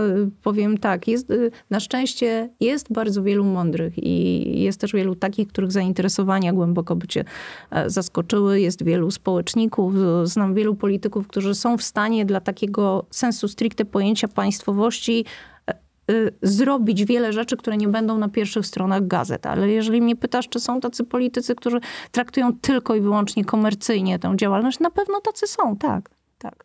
To logiczne. Proszę Proste. pani. Przecież, No, przecież to, to jest, naj, to jest bardzo, bardzo czytelne, bo to jest, na tym polega polityka. Słuchaj, obojętnie gdzie zajrzysz, czy do korporacji, czy do jakiejkolwiek innej grupy zawodowej, to możemy prowadzić dokładnie tą samą dysputę, prawda? Bo ludzie są ludźmi po prostu. A ludzie są zwierzętami. To, I- do Wiery Gran wracamy znowu, Tak, no i, i do tutaj- Tuszyńskiej. I tutaj, I tutaj to się tak naprawdę mm, nigdy nie zmieni. Dlatego jesteśmy też chciwi, dlatego kłamiemy, uciekamy, boimy się, mamy lęki, bo jesteśmy nadal, każdy z nas jest pokrewną drugiej osoby.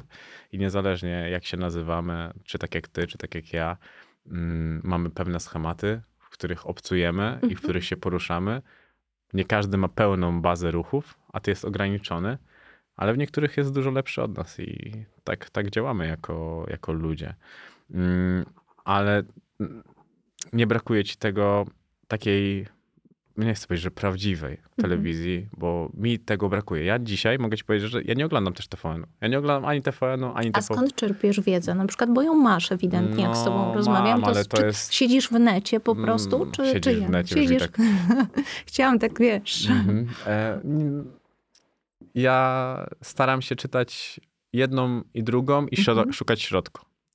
Nigdy nie wierzę do końca w nic, bo to, Mhm. to nauczyła mnie rzeczywistość. Zresztą mówiłem ci to przed całą rozmową, że moim idolem był Tomasz Lis bardzo, bardzo długi czas. Ale kiedy ktoś krytykuje coś cały czas, no dla mnie staje się niewiarygodny i nudny, bo to też ile można metaforycznie obrzucać Kaczyńskiego gównem, to się nawet już papier toaletowy skończył. Kogokolwiek po prostu. E, to prawda I, i to już dla mnie się zrobiło nudne, więc ja nauczyłem się czerpać z jednej i z drugiej strony i czasami czytam to z zamkniętymi oczami, bo inaczej to się chyba nie da. Ale wiesz, Tomasz Lis stał się zakładnikiem swojej frustracji, a ja się zgodzę z pierwszą częścią twojego zdania, że na przykład, nie wiem, 20 lat temu dla wielu osób on był takim idolem dziennikarstwa i był pierwszoligowym, zresztą świętej pamięci Kamil Durczok. Tak samo, prawda? On był ikoną. E, No a później coś się zadziało. U Kamila z innych powodów Tomasz Lis okopał się gdzieś tam na końcu tej swojej takiej e, frustracją, nie wiem czego jeszcze, bo to nie, nie jestem psychologiem, żeby zgłębiać tutaj mandry jego umysłu, ale coś się ewidentnie stało. No. Bo to jest ewidentnie mądry gościu. Wiesz co, jak daję, ja wiedzy merytorycznej nie odmówię, absolutnie. I to, to jest to, o czym mówiliśmy przedtem. Ludzie lubią skróty. Jeżeli się z kimś nie zgadzam, to on jest głupi. Nie, tak nie jest. On jest nadal inteligentny, nadal mądry, ale wyraża inne poglądy niż ty, tak? Umiejmy to rozróżnić, a tej umiejętności nam brakuje bardzo. Wrzucamy, spłycamy, wrzucamy do, do jednego worka. Umiejmy osobie, z którą się nie zgadzamy, przyznać coś, co ewidentnie ma. Słuchaj, no pytanie, wiesz, co, co będzie dalej i, i czy my z takiego zacietrzewienia w ogóle wyjdziemy. Teraz się No oby, kopaliśmy. no nie może tak być cały czas. No przecież to jest zajebiście niewygodne. Tego nawet nie idzie określić inaczej niż tym epitetem. No to dobrze, jest jeżeli... dla takiej osoby jak ja, Mhm. która chce posłuchać yy, i nie chodzi o to, żeby się przyglądać igrzyskom, tylko zobaczyć, ko- do kogo jest mi bliżej Mhm. w pewien sposób. To jest bardzo trudne dzisiaj. Bo jak ja mam, jestem, mam taką, wiesz, taką dysfunkcję poznawczą, Mhm. bo nie wiem, czy ty mówisz prawdę, czy pani Wermer mówi prawdę i o co to teraz chodzi? Tak jak, na takie, jakbyśmy Mhm. cofnęli się, jakby jesteś dzieckiem Jasne. odpala ci ktoś telewizję. Mhm. No to masz dwie rzeczywistości. Znaczy, jesteś w stanie stworzyć dziecko z rzeczywistości z jednego kanału. No a popatrz, a fajnie, że masz te dwie czy- rzeczywistości, czy Nie. lepiej jak wszyscy mówią jednym głosem i kompletnie jesteś pogubiony? No, a tak uważam- bardzo długo było. Mm, ale ja chciałbym mieć jedną rzeczywistość spójną z faktami, Mhm. bo to by było wymarzone. E, Ja też akurat uważam mm, w tym, e, o czym ty mówiłeś, że e, pan Kaczyński jest wybitnym politykiem, bo pierwszy raz ktoś wykorzystał telewizję do czegoś. Ona zawsze była kulą u nogi. I ja uważam, że to jest fenomenalne, bo ja zawsze, do, tak samo jak ja mam, że doceniam swoich wrogów, bo oni mnie nie lubią za to, zazwyczaj, że sam siebie też nie lubię. I, I to jest dla mnie fenomen, bo wykorzystał to. Miał narzędzie i pierwszy raz ktoś z tego narzędzia nie walnął sobie w łeb, tylko zaczął okładać tym kogoś e, innego, bo to, to na tej samej zasadzie działa, tylko to było jego narzędzie do obrony przed tym, co dostawał z drugiej strony. Wiesz, to też jest niewiele osób w polityce, Jarosław Kaczyński ewidentnie jest taką osobą. Jak czytałeś moje wywiady, to na pewno widziałeś, że ja kiedyś powiedziałam, że jest to wybitny strateg. Popatrz, Mhm. ile masz osób w polityce, które są w stanie ją zaplanować na lata, tak? Bo on widzi pewne... po- Popatrz, który rok rządzi PiS, prawda? A różne rzeczy się działy. Były sytuacje, gdzie można było rozbujać tą łódkę. Opozycja nie umiała tego zrobić, żeby próbować to przewrócić. Zresztą oni mówią o tym wprost. Ja teraz nie, nie wiesz, nie, to, to nie są moje słowa, tylko cytuję, że oni by chcieli wywalić ten rząd i, i zmienić władzę. Mm, A on planuje, potrafi na tej szachownicy przeskoczyć tak, prawda? Jest takim, e, jest takim e, Kasparowem i to mu trzeba oddać, obojętnie czy ktoś się z nim zgadza, czy się nie zgadza. Nie, no to jasne, że tak, bo ja też nie prawda? zgadzam się z nim, ale jeżeli chodzi o strategię i rozplanowanie tego, no to jakbym się nie zgadzał, to sam bym przeczył faktom. To jest taki- Rzeczywistość wskazuje na to, że to on wygrywa na tej szachownicy. No jest to szachowy Capablanca rzeczywiście, tak, zdecydowanie. To mu trzeba oddać. E, O telewizję mnie pytałeś. Mhm, Znowu nie wracamy do tego, że ja pracowałam i w jednej i w drugiej. No właśnie, więc wiesz, jak wygląda w jednej i drugiej. Tak, wiesz co, ja bardzo lubię dyskusje na antenie. Ja świetnie się czuję w takim zawodowym ferworze i ogniu pytań. Lubię zadawać pytania, lubię dyskutować, lubię jak jest, jak jest emocja na antenie. Zresztą oceniają mnie widzowie, tak. Będę tyle, na ile widzowie będą mnie chcieli oglądać. Ja mam to poczucie. Mm, Współczuję tym, którzy uważali, że w y, telewizji jest się zawsze. Nie będę wymieniała nazwisk, ale mieliśmy na, na oczach publicznych parę takich frustracji, prawda, i rozdzielania szat, że nagle coś się skończyło. To, to myślę, że le- zaczynając pracę w telewizji, trzeba odrobić tę lekcję, że ty nie jesteś na zawsze. I stąd są też te inne światy, inne działalności. Dobrze je mieć, tak? Mhm. bo masz inne życie, masz gdzie pójść, masz co z sobą robić. Ja uwielbiam te pytania na Twitterze, na przykład, y, co pani Ogórek będzie robiła, jak już PiS przestanie rządzić i będzie bez pracy? I ja wtedy się zastanawiam nad tym, czy ta osoba, która pisała, uważała, że ja do 30 tam, nie wiem, 5 roku życia czy 40 byłam bezrobotna, bo to jest taki, wiesz, to jest jakiś taki absurd kompletny. Zastanawiam się, czy ludzie zastanawiają się nad tym, co piszą. Hmm, nie zastanawiają się, to, to tak e, od razu odpowiem na, na twoje pytanie. Ja uważam, że ty doskonale wiesz, co będziesz robiła, kiedy PiS nie będzie rządził i telewizja nie będzie ewentualnie chciała ciebie, bo będzie mogła chcieć się e, odciąć od wizerunku ze względu na to, że byłaś utożsamiana z poprzednią partią, tak samo jak zrobił to PiS przez dziennikarzami, którzy byli w TVP i jakby stawiali tam jakieś e, swoje warunki i po prostu nie chcieli tego robić. To jest naturalne. To tak wyglądało zawsze. Tak samo jak zmiana wszystkich prezesów. No, Wymiana kadr jest, no. to fluktuuje zawsze. To Także- nie jest to żadną tajemnicą. Dokładnie. Także no to, to, jest, to jest dla mnie logiczne. A I tak samo logiczne jest to, że ty doskonale wiesz, co ty będziesz robiła po tym, e, po tym, bo ty wiesz, że to nadejdzie. Więc jeżeli teraz byś nie myślała o tym, co będziesz robiła, i zresztą sama w jednym wywiadzie mówiłaś, że nie wykluczasz tego, że wrócisz do polityki. Wszystko wyłapałeś.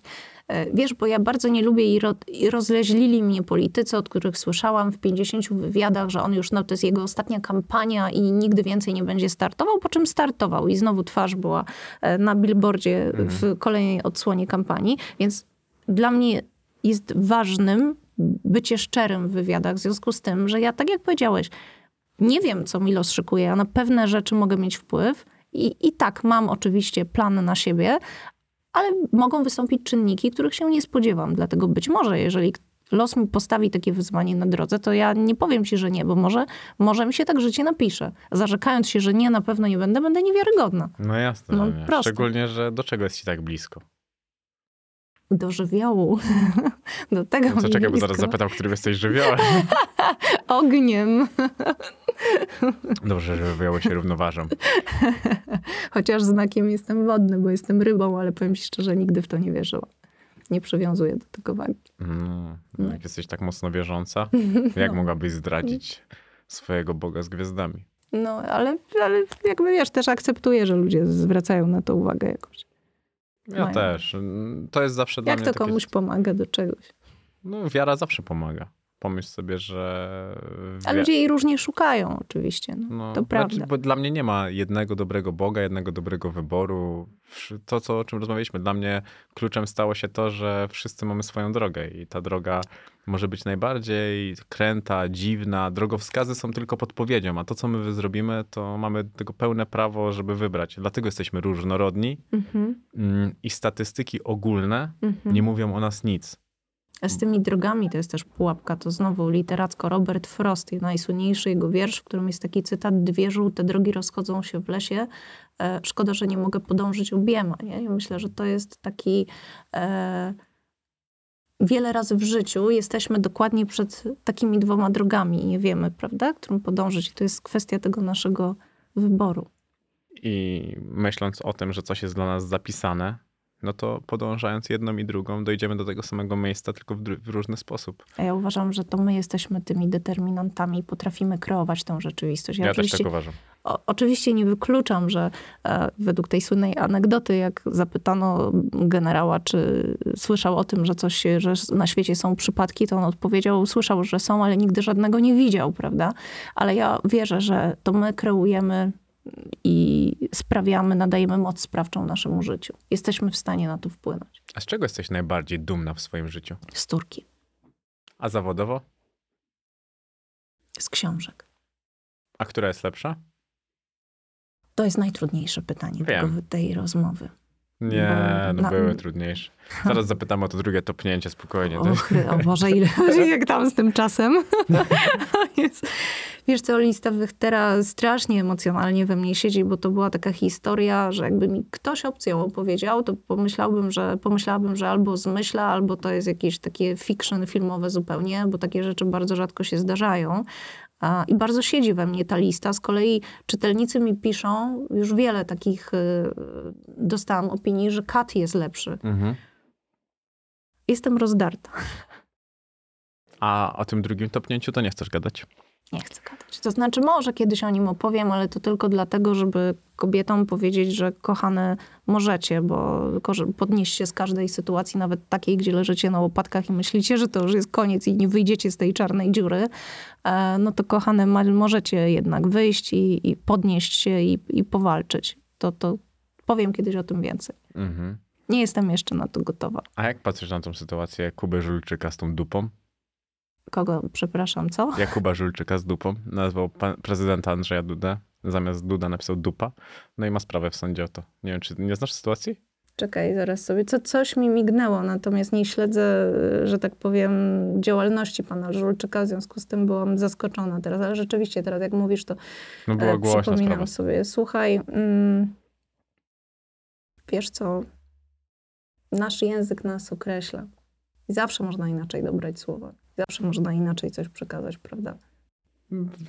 wiesz, bo to był taki mm, żart dzieci z podstawówki, jak Andrzej Duda startował w pierwszych e, wyborach. Nie wiem, czy pamiętasz, że to było dość często No to przekręcane. były moje wybory. No właśnie, więc dość często to było przekręcane.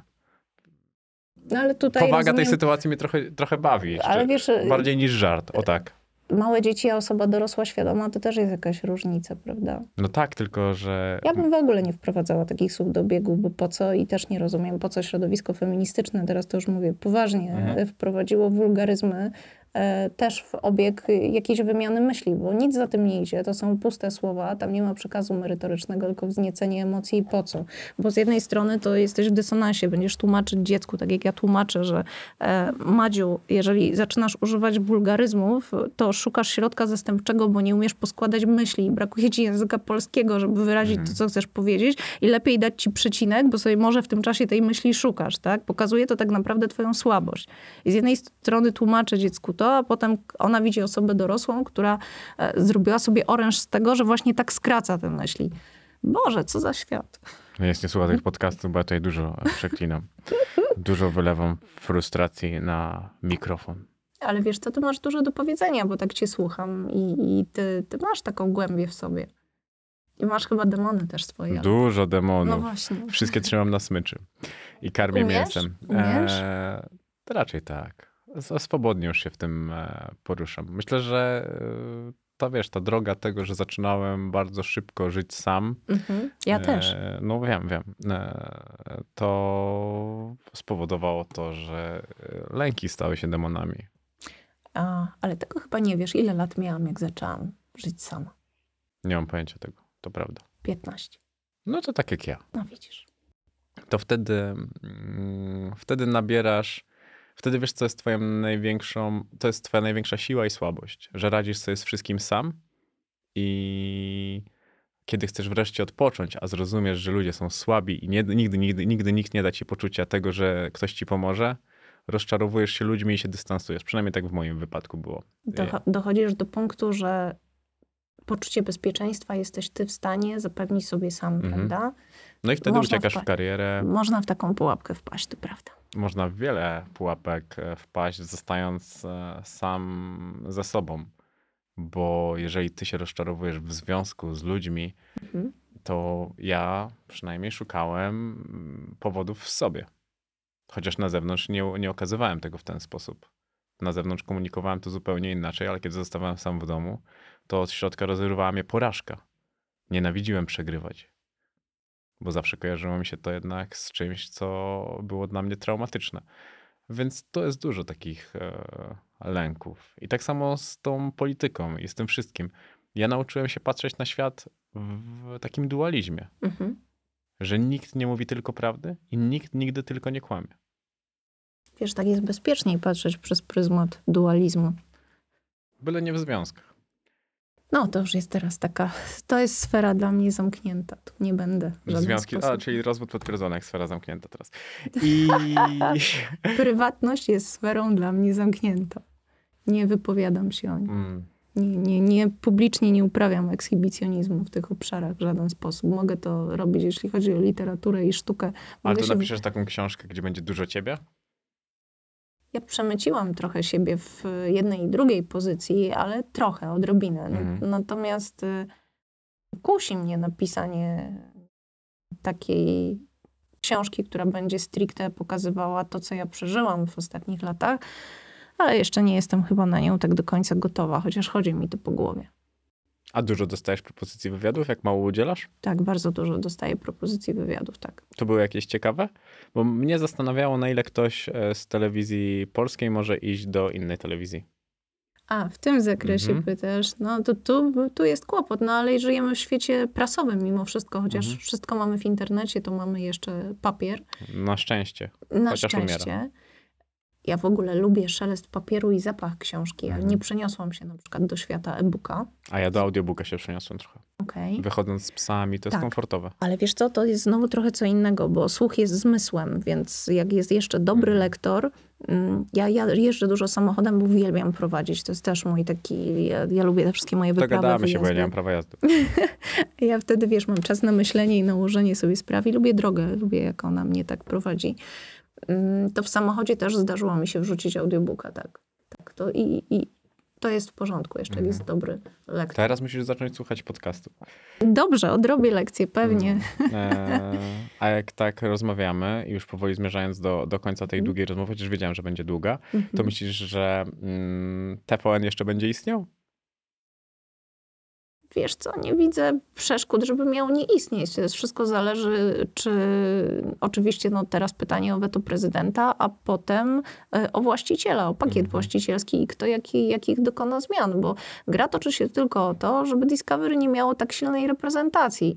E, Tak jak ja rozumiem to, co opozycja nazwała Lex TVN i na tyle, ile się wczytałam, to chodzi o to, żeby tę partycypację ograniczyć, bo PiS na to zwracał uwagę. Popatrz, oni o tym mówili w kampanii. Oni nie zaskoczyli. Cały czas tłukli, że w Niemczech i we Francji ta reprezentacja obcego kapitału w mediach jest 30%. U nas jest zdecydowanie za wysoka, więc oni gdzieś tam idą realizacją e, swoich obietnic wyborczych i swojego przekazu. W związku z tym, jeżeli ten pakiet Discovery, czyli w sumie tak naprawdę chodzi o korporację, na ile dużo ona będzie w polskiej przestrzeni medialnej. I jak gdy ograniczy się jej partycypację, to później, jest, później to już są pytania do akcjonariatu i do, do właścicieli, co, co będzie dalej. Ale wiesz, ja to o tyle rozumiem, że ja też bym chciała, żeby wszyscy byli na równych prawach, bo jeżeli Niemcy sobie nie dają podskoczyć ponad 30%, dlaczego my mamy, tak? My to z tymi Niemcami nie mamy po drodze. My raz ich traktujemy jako wyznacznik, raz wręcz odwrotnie. Trochę ciężko jest się już... to jest, e, no słuchaj, to jest koniunkturalne patrzenie na świat, tak? No, no. Siłą rzeczy Wydaje jeszcze mi się, że można mieć od tego halucynacje, patrząc na te rzeczy, które mamy robić tak, tamte inaczej i, i to wszystko. Ale wiesz, Wiesz co? co, najważniejsze jest żyć jakoś w zgodzie z sobą, wiesz, i potem cała reszta ci się dookoła albo układa, albo jesteś na to odporny. A uważasz, że politycy potrafią zmienić życie normalnych ludzi? Są tacy, którzy mogą, tak. Ale to jest zdecydowanie na mniejszość, co? Ciężko mi odpowiedzieć na to pytanie, bo ja teraz myślę i o, o poprzednich składach Sejmu, wiesz, to, to, to, to staram się Mhm. Ale żyło ci się kiedyś lepiej, przez... kiedyś lepiej, kiedyś gorzej? Uzależniałaś to od polityków? Ja to inaczej wartościuję, wiesz. Dla mnie taką egzemplifikacją jest to, czy to, co ja słyszałam w kampanii, ma pokrycie z tym, co jest potem przez następne 4 czy 8 lat. Ile z tego rzeczywiście było tak, jak oni mówili, a ile ja słyszałam w kampanii, że się da, a po kampanii słyszałam, że jednak się nie da, bo coś tam. No To ja się czuję nabita, ogólnie. nabita w butelkę, tak? No, I potem jest- się leczę z pewnej naiwności. I teraz zobacz szok Polaków, jak przyszedł PiS i on im powiedział, że się da. Na przykład. Da się uruchomić programy socjalne i No nie, odbierane. no zobacz co było z tym wiesz, 500 plus, no. mówili, że się nie da, Tak. nie da, nie da, a potem oni zaproponowali 1000 plus. No I dla mnie to był, rok to leci, Dla tak? mnie to jest chichot losu. Jeszcze w sumie Lewica odbiera cały pakiet socjalny. Trochę wytrącili Lewicę, bo to Lewica była od tej pomocy ludziom, prawda? Czyli dokonali majstersztyku, że raz, że pokazali, że dali, a dwa jeszcze odebrali komuś jakiś instrument. No ale odebrali komuś i to też można postawić kropkę, bo to też działa na zasadzie dwojakiej, nie? No bo teraz będziesz miała większe podatki i różne inne e, rzeczy związane e, z tym, poza tym... Dla co- bogatych osób, bo Dla dla, tych, którym tak się żyło średnio, no to oni będą mieli ulgę. Wiesz, to na przykład ja się bardzo cieszę, że emeryci dostali jakiś pakiet dodatkowy w postaci tej 13 i 14, bo to była strasznie grupa taka zabiedzona i mam wrażenie, że odpuszczona przez wszystkie ekipy. Ja mogę powiedzieć, że mi dla mnie zawsze, e, przez to, że my się wychowywaliśmy bez taty, więc e, zawsze te fundusze alimentacyjne były mi bliskie, no bo logiczne to jest. My nie mieliśmy kasy. Jak był fundusz alimentacyjny w pewnym momencie zawieszony, albo jak go nie było, nie pamiętam, jaki to już, który to już był rok, no to była straszna jadka Teraz przez są to. ścigani alimenciarze No tak, tak, tak. I, to, to jest super akurat, No, że to się zmieniło, to na pewno. Mm, No i ludzie niepełnosprawni. Dla mnie to są tacy, Właśnie. tacy, tacy ludzie, którzy powinni naprawdę dostawać wielką, wielką pomoc. Szczególnie te mamy, które mają na przykład na głowie dziecko, które zupełnie bez tej mamy nie funkcjonuje, bo nie wstaje z łóżka, prawda? I dla niej to Mhm. jest praca 24 godziny na dobę. To ja tu się też z ogromnym szacunkiem I to, to jest dla mnie oczywiste, ale socjal dla ludzi, którzy zaczynają kombinować, już nie, a kombinuje teraz milion osób. Naprawdę to jest masakra, jak ludzie kombinują, bo ten socjal jest wysoki jak na polskie, polskie warunki, a jestem raczej mało na tak, jeżeli chodzi o socjal, bo dzisiaj żyjemy w takim czasie, że pomyśl sobie, co trzeba robić, żeby nie mieć pieniędzy, kiedy jesteś zdrowy. No wyobraź sobie to, co trzeba dzisiaj zrobić, żeby nie zarabiać. Ale w ogóle mamy taki gen, zgodzisz się ze mną. Coś mamy w DNA kombinatorskiego, jeżeli sobie też potrafimy szybko Mhm. załatwić jakiś lewy certyfikat szczepionkowy, zawsze coś wykombinujemy, żeby poradzić sobie w rzeczywistości, nie? Jasne, że tak. No mamy tak, no. No, I co? Trzeba posypać głowę popiołem. To, to prawda. To prawda, to jest e, dla mnie najbardziej, najbardziej oczywiste w tym wszystkim. Ale wiesz co y, Mhm. jeszcze mnie ciekawi? Bo jak ciebie pytano o tą mm, aborcję i te strajki kobiet, Mhm. to dla mnie ty nie byłaś tam jednoznaczna. W sensie, bo ty powiedziałaś oczywiście, że nie, że tam Mhm. coś takiego, ale że aborcję nie powinno traktować się jako mm, środka antykoncepcji i tak dalej. Mhm. I podtrzymuję to. Ale dlaczego?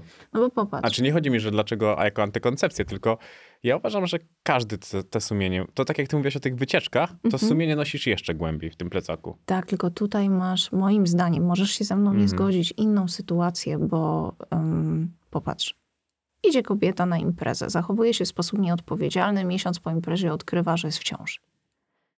I teraz co? Y, Zgodnie z moją wiarą i z moimi przekonaniami, Mhm. ktoś może myśleć inaczej, No tak? jasne, Ale ja tak. tak jak e, dam muzułmaninowi prawo do wyrażania jego przekonań, to też chcę, żeby ktoś wysłuchał moich. I ja uważam, że od momentu poczęcia ona nosi pod sercem nowego człowieka i w tym momencie ona decyduje nie tylko o sobie, ale o nowym życiu. I teraz tak, chwila niefrasobliwości i to dziecko ma zapłacić, powiem bardzo mocno, skrobanką za to, że ta mamusia, która go nie chce na imprezie się zapomniała, tak? E, To, to miałam na myśli mówiąc, że jest duża grupa wś- wśród tych protestujących, która widzi niestety Mhm. aborcję jako taki po prostu środek antykoncepcyjny. Coś mi nie poszło, to sobie pójdę na zabieg i mam z głowy. Zupełnie inną sytuacją mamy do czynienia, gdy kobieta padła ofiarą gwałtu. Mhm. Tu mamy, tu, tu bym, ja o tym powiedziałam w kampanii, że w dwóch wypadkach nigdy w życiu nie pozwolę sobie być sumieniem dla kogoś, kto jest ciężko chory, tak, jest w ciąży i ma zadecydować teraz, czy moje życie, prawda, czy tego dziecka. I tak samo w życiu bym nie narzuciła swojego zdania ofierze gwałtu, dlatego ten kompromis, który, który był w Polsce i obowiązywał, on mi, też był, on mi też był bardzo bliski. A z drugiej strony, wiesz, co było też takie bolesne? Bo to jest, tak jak strona feministyczna mówi o tym, jest, słyszałeś to zapewne wiele razy, że jest tu podziemie aborcyjne Mhm. i ono No tak, zawsze tak. będzie i, i jak kobieta będzie chciała sobie znaleźć drogę, to pojedzie do Czech czy gdzieś tam i tak tego zabiegu dokona. Ale teraz była druga strona medalu, że mm, lekarz i rodzice szli na skróty w sytuacji, kiedy dowiedzieli się, że na przykład dziecko jest zdrowe, ale jest obarczone zespołem Downa. Mhm. A na świat przychodzi zdrowa istota, tylko z tym dodatkowym chromosomem, prawda? Zresztą sam TVN robi program y, na temat, y, na temat takich dzieciaków.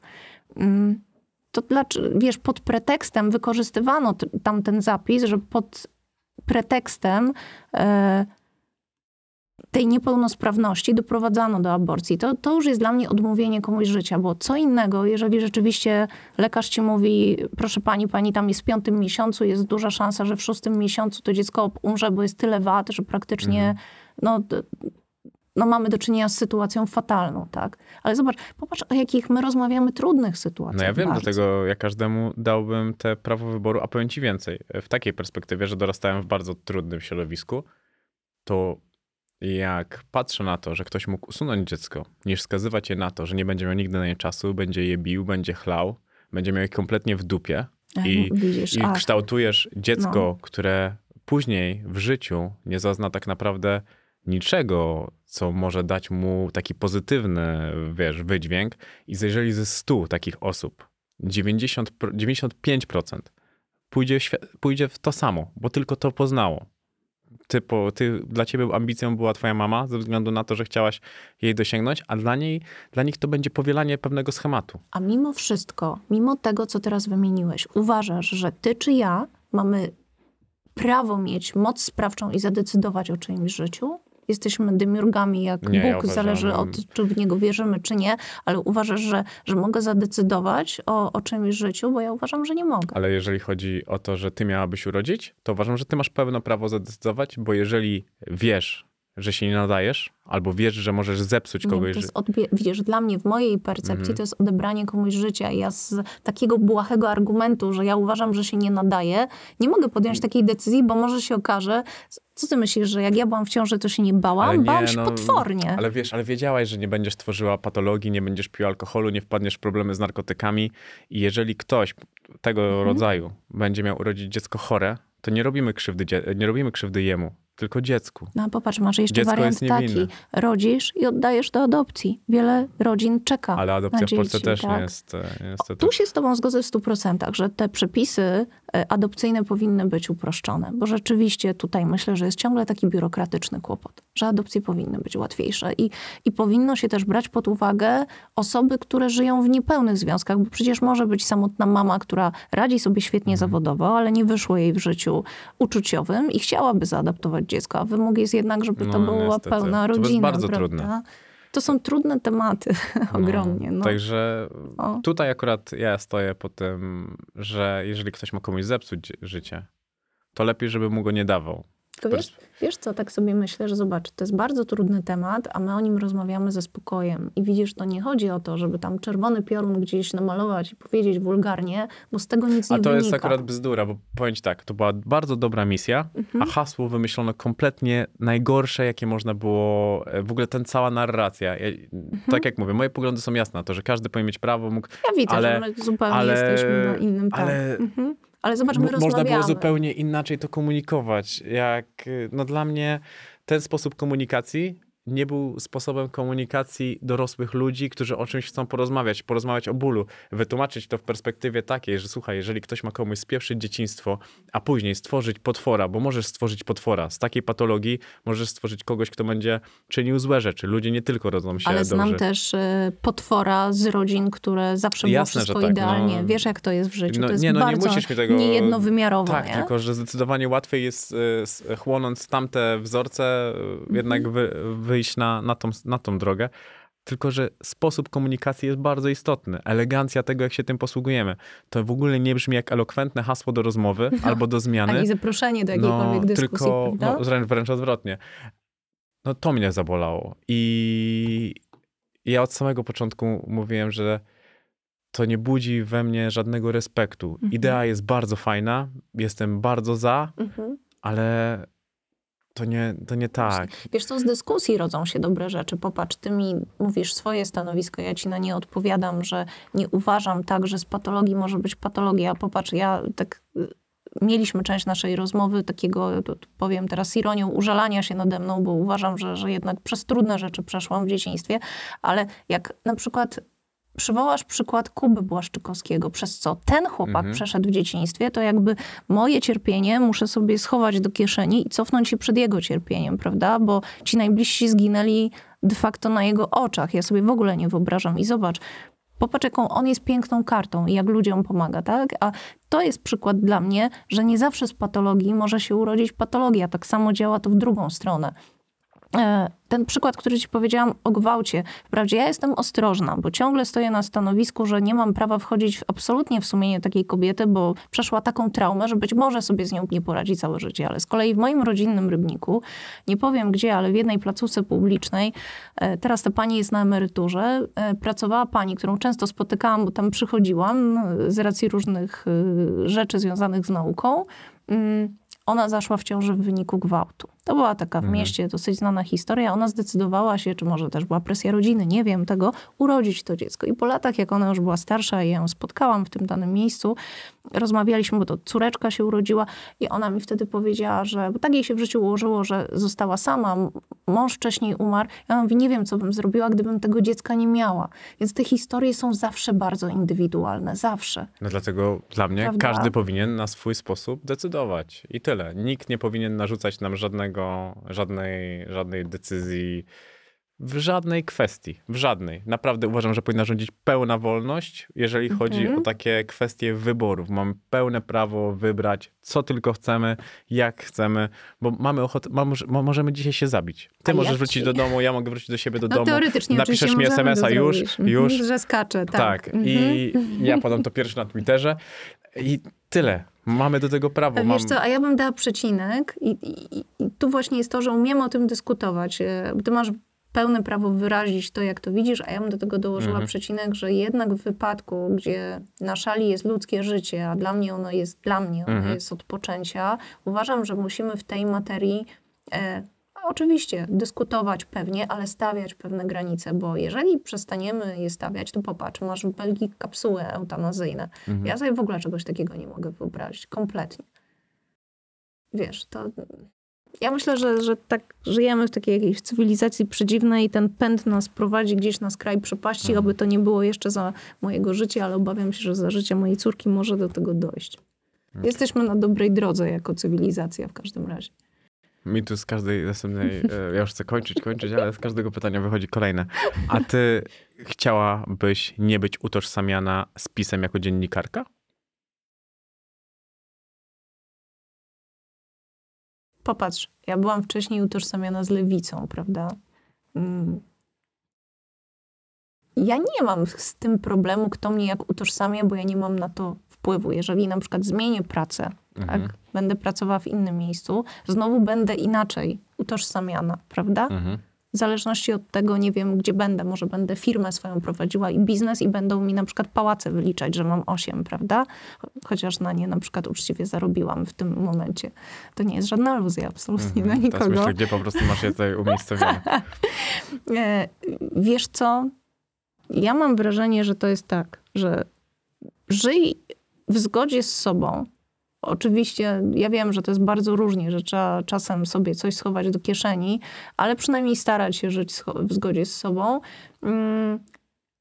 I ludzie będą ci odczytywać autentycznie. A to, że ktoś będzie ci przykładał etykiety, patrz, ty powiedziałeś tak, bo zakładam, że tak nie widzisz, tak? Ponieważ pracuję w danym miejscu. Mhm. Wejdź na Twittera, nawet pewnie pod komentarzem, który ty dzisiaj wrzuciłeś, bo wrzuciłeś, że jestem Mhm. u ciebie, pewnie tam jest milion wpisów, że przecież ja jestem lewicowa, SLD i tak dalej. Nie mam wpływu na te etykiety. Każdy będzie e, etykietował jak chce, a ja muszę robić swoje, a mam jeszcze dużo w życiu do zrobienia. Mam jeden taki wielki zamysł, taki naprawdę gigantyczny i chciałabym go jeszcze zrealizować do 45 roku życia. Ale to wiesz, tutaj powiedziałaś, jak ludzie będą ciebie odbierali, a ja się pytam, jak ty byś chciała być odbierana. Ale wiesz, to jest troszeczkę Bo ja takie... uważam, że jako dziennikarka masz duże predyspozycje do merytorycznej rozmowy. Ale ja staram się moje rozmowy tak prowadzić. No tak, tylko są utożsamiane z jednym ugrupowaniem politycznym, gdzie już jak ustaliliśmy przez tą całą rozmowę, jest napierdalanka. No ale popatrz, czy na przykład, y, nie wiem, kogo wybrać. Ty przywołałaś Anitę Werner, mogę dorzucić Monikę Olejnik. Czy one nie będą utożsamiane z TVN-em? Będą. Siłą Będą, rzeczy, będą. prawda? To dlatego jak na coś nie mam wpływu, to nie będę się, nie będę się kopać z koniem, to nie jest dobre wyrażenie akurat w tej sytuacji, ale nie, nie będę się jakoś tym myśleć o tym, pochylać nad tym, bo nie mam na to wpływu. Ja mogę odpowiedzieć za to, w jaki sposób zachowuję się na antenie i jak rozmawiam, bo na to mam wpływ, prawda? Na formułę, e, na formułę tego, w jaki sposób coś prowadzę. I potem jestem oceniana przez widzów. Każdy z nas jest inny, czy nawet moi koledzy redakcyjni. Każdy ma swój jakiś sposób mówienia, wypowiadania się, prowadzenia programów, prawda? W telewizji komercyjnej jest to samo. Są też indywidualności, które się jakoś każdy ma różnie. Ale teraz zadam ci naprawdę trudne pytanie. Boże. A pan Jakimowicz to ci pomaga, czy przeszkadza? Ja mogę odpowiadać za siebie tylko i No wyłącznie. to dlatego się ciebie pytam, czy ci pomaga, czy przeszkadza, nie jego. Życie stawia przed nami różne wyzwania. Różne kłody mm, Różne wyzwania i trzeba im sprostać. A jak przełożony stawia przed tobą wyzwanie, musisz wykazać się pełnym profesjonalizmem i sprostać. A co jeszcze mnie tak ciekawi, No. tak e, prosta konsumpcja. Masz Netflixa? Mam Netflixa. Co oglądasz na Netflixie? Co ostatnio oglądałam, czy No tak. Homeland? O, a co jeszcze Mhm. oglądasz? E, Kapitalny taki miniserial obejrzałam przed Homelandem o Juna Bomberze. Świetnie zrobiony, o, profil, o profilerze A, FBI, który, e, który tam na podstawie charakteru pisma. Tak, tak, tak, No, tak, tak, tak, tak, tak, tak. coś takiego, Coś takiego właśnie. Nie do końca zapamiętałam tytuł, dlatego Coś tam posłużyłam się. pamiętam. Tak, tak, tak, tak. Coś, coś takiego. Jeżeli już mam czas na serial, bo jak piszę, to nie mam czasu, Mhm. to jestem kompletnie wylogowana z wszystkiego, bo wiem, że gdybym zaczęła coś oglądać, no to wyrwę się siłą rzeczy z pracy, tej, którą muszę ukończyć, a jak już później zaczynasz pisać, no to masz termin wydawniczy, Mhm. musisz zmieścić się w terminie, ale jeszcze, jeśli mi do czegoś blisko, to, to, to do Homelandu. Może dlatego, że wiesz, ja trochę żyłam w takiej rzeczywistości, tak. Ja, ja ją znam, ja wiem, jak, jak, ja wiem, jak to wszystko wygląda też od, od drugiej strony trochę, no. Hmm, Jakby widzisz. rozumiem te mechanizmy, które zostały tam zawarte. A widziałaś ten e, serial na HBO? Od razu zaznaczam, że ja naprawdę mam zaległości, bo siedziałam A nie, parę nie, to lat wiesz co, to jest też bardzo mini serial. E, kurde, to jest o małżeństwie, które przychodzi kryzys. Jest zajebisty. E, w ogóle jeżeli chodzi o przekrój emocjonalności i Mhm. różności emocji w związku, Okej. genialne. To jest coś takiego, co porusza każdą twoją emocję. Czujesz obrzydzenie do bohatera, fascynację i sytuacja się ciągle zmienia. To To jest... podeślij mi potem Tak, tytuł, to jest cztery, bo cztery odcinki. się, to jest chyba opowieść his, historii życia małżeńskiego. Podrzucę ci Okej. link. Jest e, Dobrze. świetny, świetny i psychologiczny, bo to też O, e, to bardzo, lubię. bardzo Gambit Królowej podobał Mhm. mi się. też fajny. I Świetnie podobało mi się zrobione. nawet tak środowisko o tym e, serialu mówiło, że tam było to naprawdę dobrze odwzorowane, bo czasami e, jak robiono filmy o szachach, Mhm. To nawet były źle figury ułożone na szachownicy. Tak, a tam podobno wszystko było Tak. perfekcyjnie. Bardzo fajny Marcin Dorociński. Mamy świetnego aktora, genialnego. Uważam, że fan był tam Mhm. wyraźny, zaznaczył się. No i wiesz, no jakby rozumiem też e, demony Beth Harmon w wielu wymiarach, więc gdzieś tam go też trochę osobiście przeżyłam. To jest taki trochę taki serial, który no oczywiście pewnie nie, nie każdej osobie, ale wierci gdzieś tam w sercu nożem, no trochę. Przynajmniej mi trochę powiercił. W sercu. No, w duszy, gdzieś tam coś. Wiesz, że to jest 2 godziny i 20 minut? Tyle Co? rozmawialiśmy. No. Ty żartujesz. Ja byłam, wiesz co, gdybyś mnie zapytał, to bym powiedziała godzina 10. Nie, dwie Ojej. godziny. Będzie się działo. Mm, po tej co rozmowie. Ty? Nic takiego złego nie powiedziałaś. Ja myślałem, że tak. Ja, bo to jest. e, No. Jak ja tutaj jechałem, Mhm. to rozmawiałem z moją siostrą i ja Mhm. mówię, to nie chodzi o to, że moje poglądy przeszkadzały mi w rozmowie. Bo to, Fajnie. Bo to chodzi o to, żeby się kogoś zapytać i dlaczego tak myśli. Bo to jest tak, jak na tym rozmawialiśmy o tej aborcji. Ja Mhm. wiem, dlaczego ja tak myślę, bo Mhm. wiem, w jakim środowisku przede wszystkim Mhm. dorastałem. I wiem, że wiele osób i tak koniec końców się powiesiło, przećpało, bo nie chcieli Jestem takiego... w stanie to zrozumieć oczywiście. I, I z drugiej strony rozumiem twoją, twoją, twój sposób patrzenia na ten świat, a fenomen polega na tym, że możesz z kimś pogadać. A wiesz, na czym jeszcze polega fenomen? Zm- Zmierzając do puenty, ja do dziś pamiętam okładkę faktu z mojej kampanii. To w ogóle był chyba taka, pierwszy raz tabloid przeszedł taką granicę, bo dzisiaj to już jest popularne, że jakiś paparazzi polazł za mną do kościoła, gdzie to była moja chwila a, że udajesz, prywatności. że, że, ten, że się modlisz. Że I to to było kosmiczne, bo ja wtedy, w tym 2015, tak, przeczytałam, że tutaj wielce tam się na tej pierwszej stronie udaje zamodloną i tak dalej, a teraz zobacz, jakby w, wykasowano z pamięci tę okładkę, nie ma, prawda? I teraz jest, nie, nie, to ona teraz na pewno udaje, że jest taka rozmodlona. Wiesz, takie wmawianie Mhm. ludziom przeciwstawnych rzeczywistości. To jest absurdalne. A niestety wielu z nas ma pamięć złotej, złotej rybki i nie Pół pamięta. książki. No, pół książki właśnie. Niestety. Właśnie. Więc Zabrzmi to, będzie tak brzmiało tak snobistycznie, że jesteśmy o zaczytani, to pół książki wypominamy ludziom. Ale czasami fajnie jest e, pomyśleć nad tym wszystkim. I to, co ty powiedziałaś, że to też zmieniło pewien mój sposób myślenia. No to jak zapytałem się ciebie, czy politycy to inteligentni ludzie, a potem, że sami ich wybieramy. Że sami wybieramy durni, e, bo na pewno jest dużo durni. Ja uważam, że tam jest bardzo dużo niekompetentnych ludzi, którzy zdobyli pewien kredyt e, u społeczeństwa i dzięki temu wygrali, a nie wygrali takiej merytorycznej dyskusji mhm. z kimś, kto mógł być na, na ich miejscu. Tylko niestety to są czary. Polityka to czary. To pe- pewnego rodzaju sztuka manipulacji. I zastanawia mnie to, i myślałem szczerze powiedziawszy, że mi trochę o tym opowiesz, o, o terapii e, wśród polityków, bo to jest bardzo męczące, jak są te wszystkie afery i jakiś polityk coś palnie, coś zrobi, to ta krytyka może go zmiażdżyć, może go wgnieść tam w domu, bo każdy macie za, jakiegoś, za jakąś szuję. To tak jest. Wiesz co, do polityki też idzie się z określonym charakterem i z grubą skórą. Pamiętasz, zawsze to chociażby moja kampania, jak lał się ten straszny hejt, to wyszło kilku naczelnych dziennikarzy III Rzeczpospolitej i powiedzieli, no ale jak to? No ale to trzeba wytrzymać, bo trzeba mieć grubą skórę. Do polityki się idzie z odpowiednim charakterem. Ja to przeczytałam, tylko ja potem sobie zadałam pytania i naprawdę e, uprawnia to tabloid do ataku na moje dziesięcioletnie dziecko w jego szkole, gdzie ktoś się przebrał i udawał rodziców i tak tabloid wszedł do szkoły, żeby e, spróbować dorwać się do mojego dziecka. Nie, myślę, że jednak nie, takie coś nie usprawiedliwia. Nie ma usprawiedliwień do niektórych rzeczy.